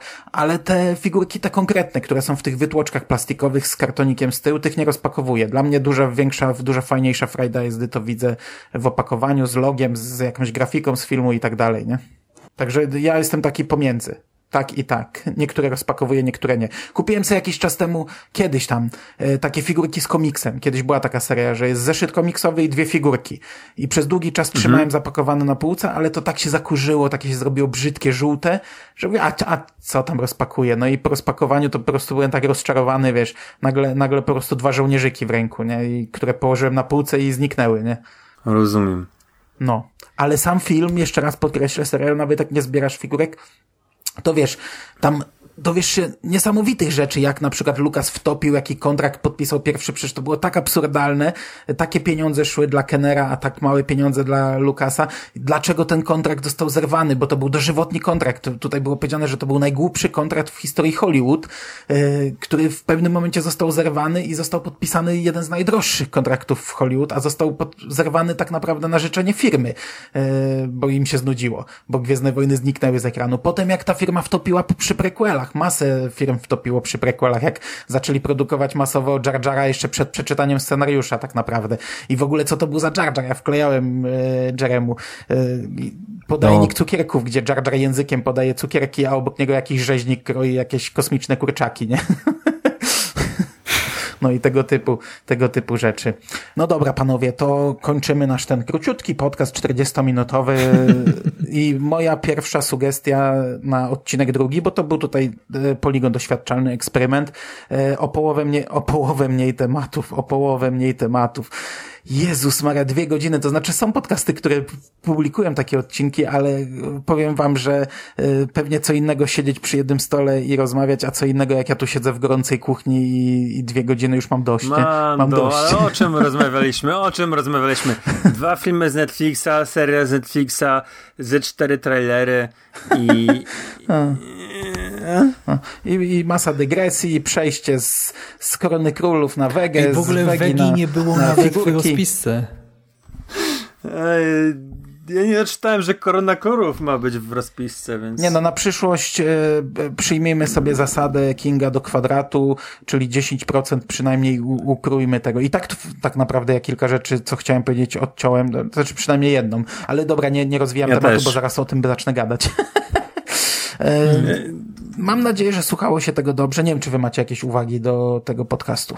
Ja mam nadzieję, że za tydzień spotkamy, bo ja nie powiedziałem niczego E, no, no nieważne, powiesz za tydzień, powiesz za gier, tydzień. w które gram i, i, i, tak dalej. No to za tydzień, jak będziesz robił rozpiskę, to tak rozplanuj, żeby powiedzieć o tych grach, a inne mniej istotne rzeczy wytnij. No. Chyba, że na przykład słuchacze teraz powiedzą, kurde, świetne, nagrywajcie pięciogodzinne. No to, to jasne, Więc, to jasne. Tak po pięć godzin. Więcej o trailerach, więcej o trailerach. Nie, coś mi się zdaje, że y, zaraz lajki nam spadną, bo żeśmy skrytykowali internety y, Patryka Wege i tak dalej. Ale akurat te internety nas nie lajkują, także A, nie w sumie, spadną. W sumie racja. E, a a ja jeszcze tak sobie myślałem w trakcie, że kurczę, teraz jest popularne wśród y, różnych youtuberów, y, są popularne live'y i my tego typu podcast powinniśmy też tak robić. Na żywo, kto chciałby sobie słuchał, a wtedy masz usprawiedliwienie, że nie musisz tego sklejać, montować, bo to było na żywo. Tak miało być. I, i ja coś czuję, że ja przy tym podcaście, mimo moich zapowiedzi na początku spędzę i tak, y, no, ładnych wiele godzin. No tak, bo tam wiadomo, że tam było, wiesz, były takie momenty. No, no, znaczy, to ja był mam... live, to już byśmy powiedzieli, to jest na żywo, Ale tak właśnie tak musi, musi nawet jak to będzie live, to musi być trochę krótszy, bo mnie bateria pada, a w szafie nie mam y, tego gniazdka. Ale ja teraz powiem dwie rzeczy. Jeżeli Szymas y, to się nagrywa, to pójdzie do, do podcastu, tak, czy tak, nie? możesz go wyzywać. A, okej. Okay. Mogę go wyzywać.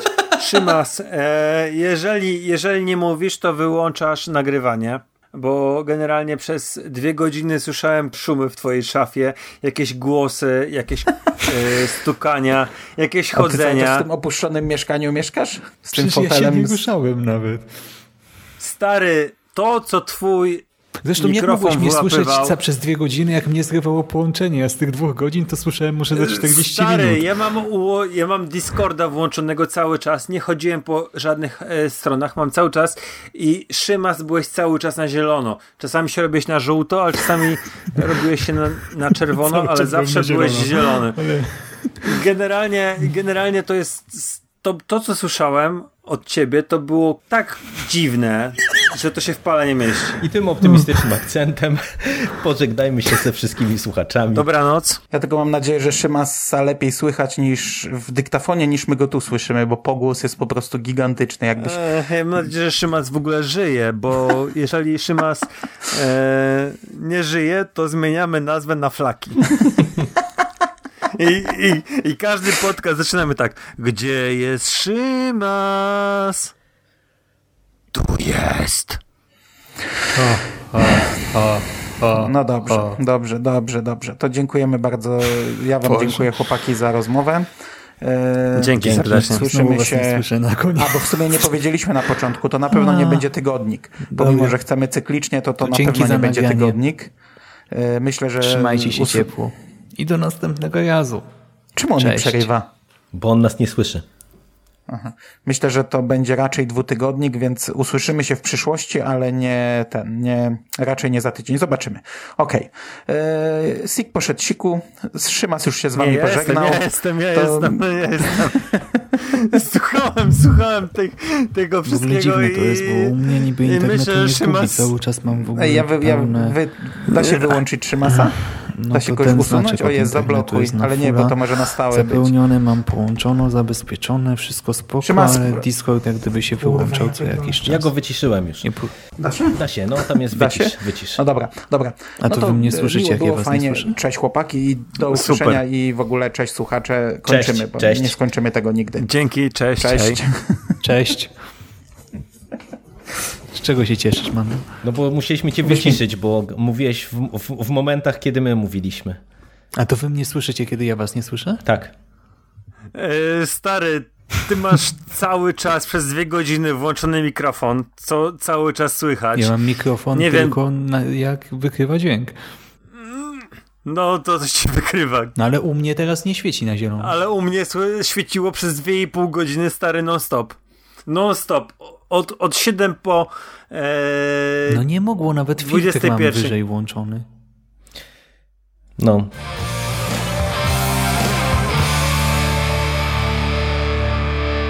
You finished? That's it, man. Game over, man. It's game over. What the fuck are we gonna do now? What are we gonna do? It's over. Nothing is over! Nothing! You just don't turn it off!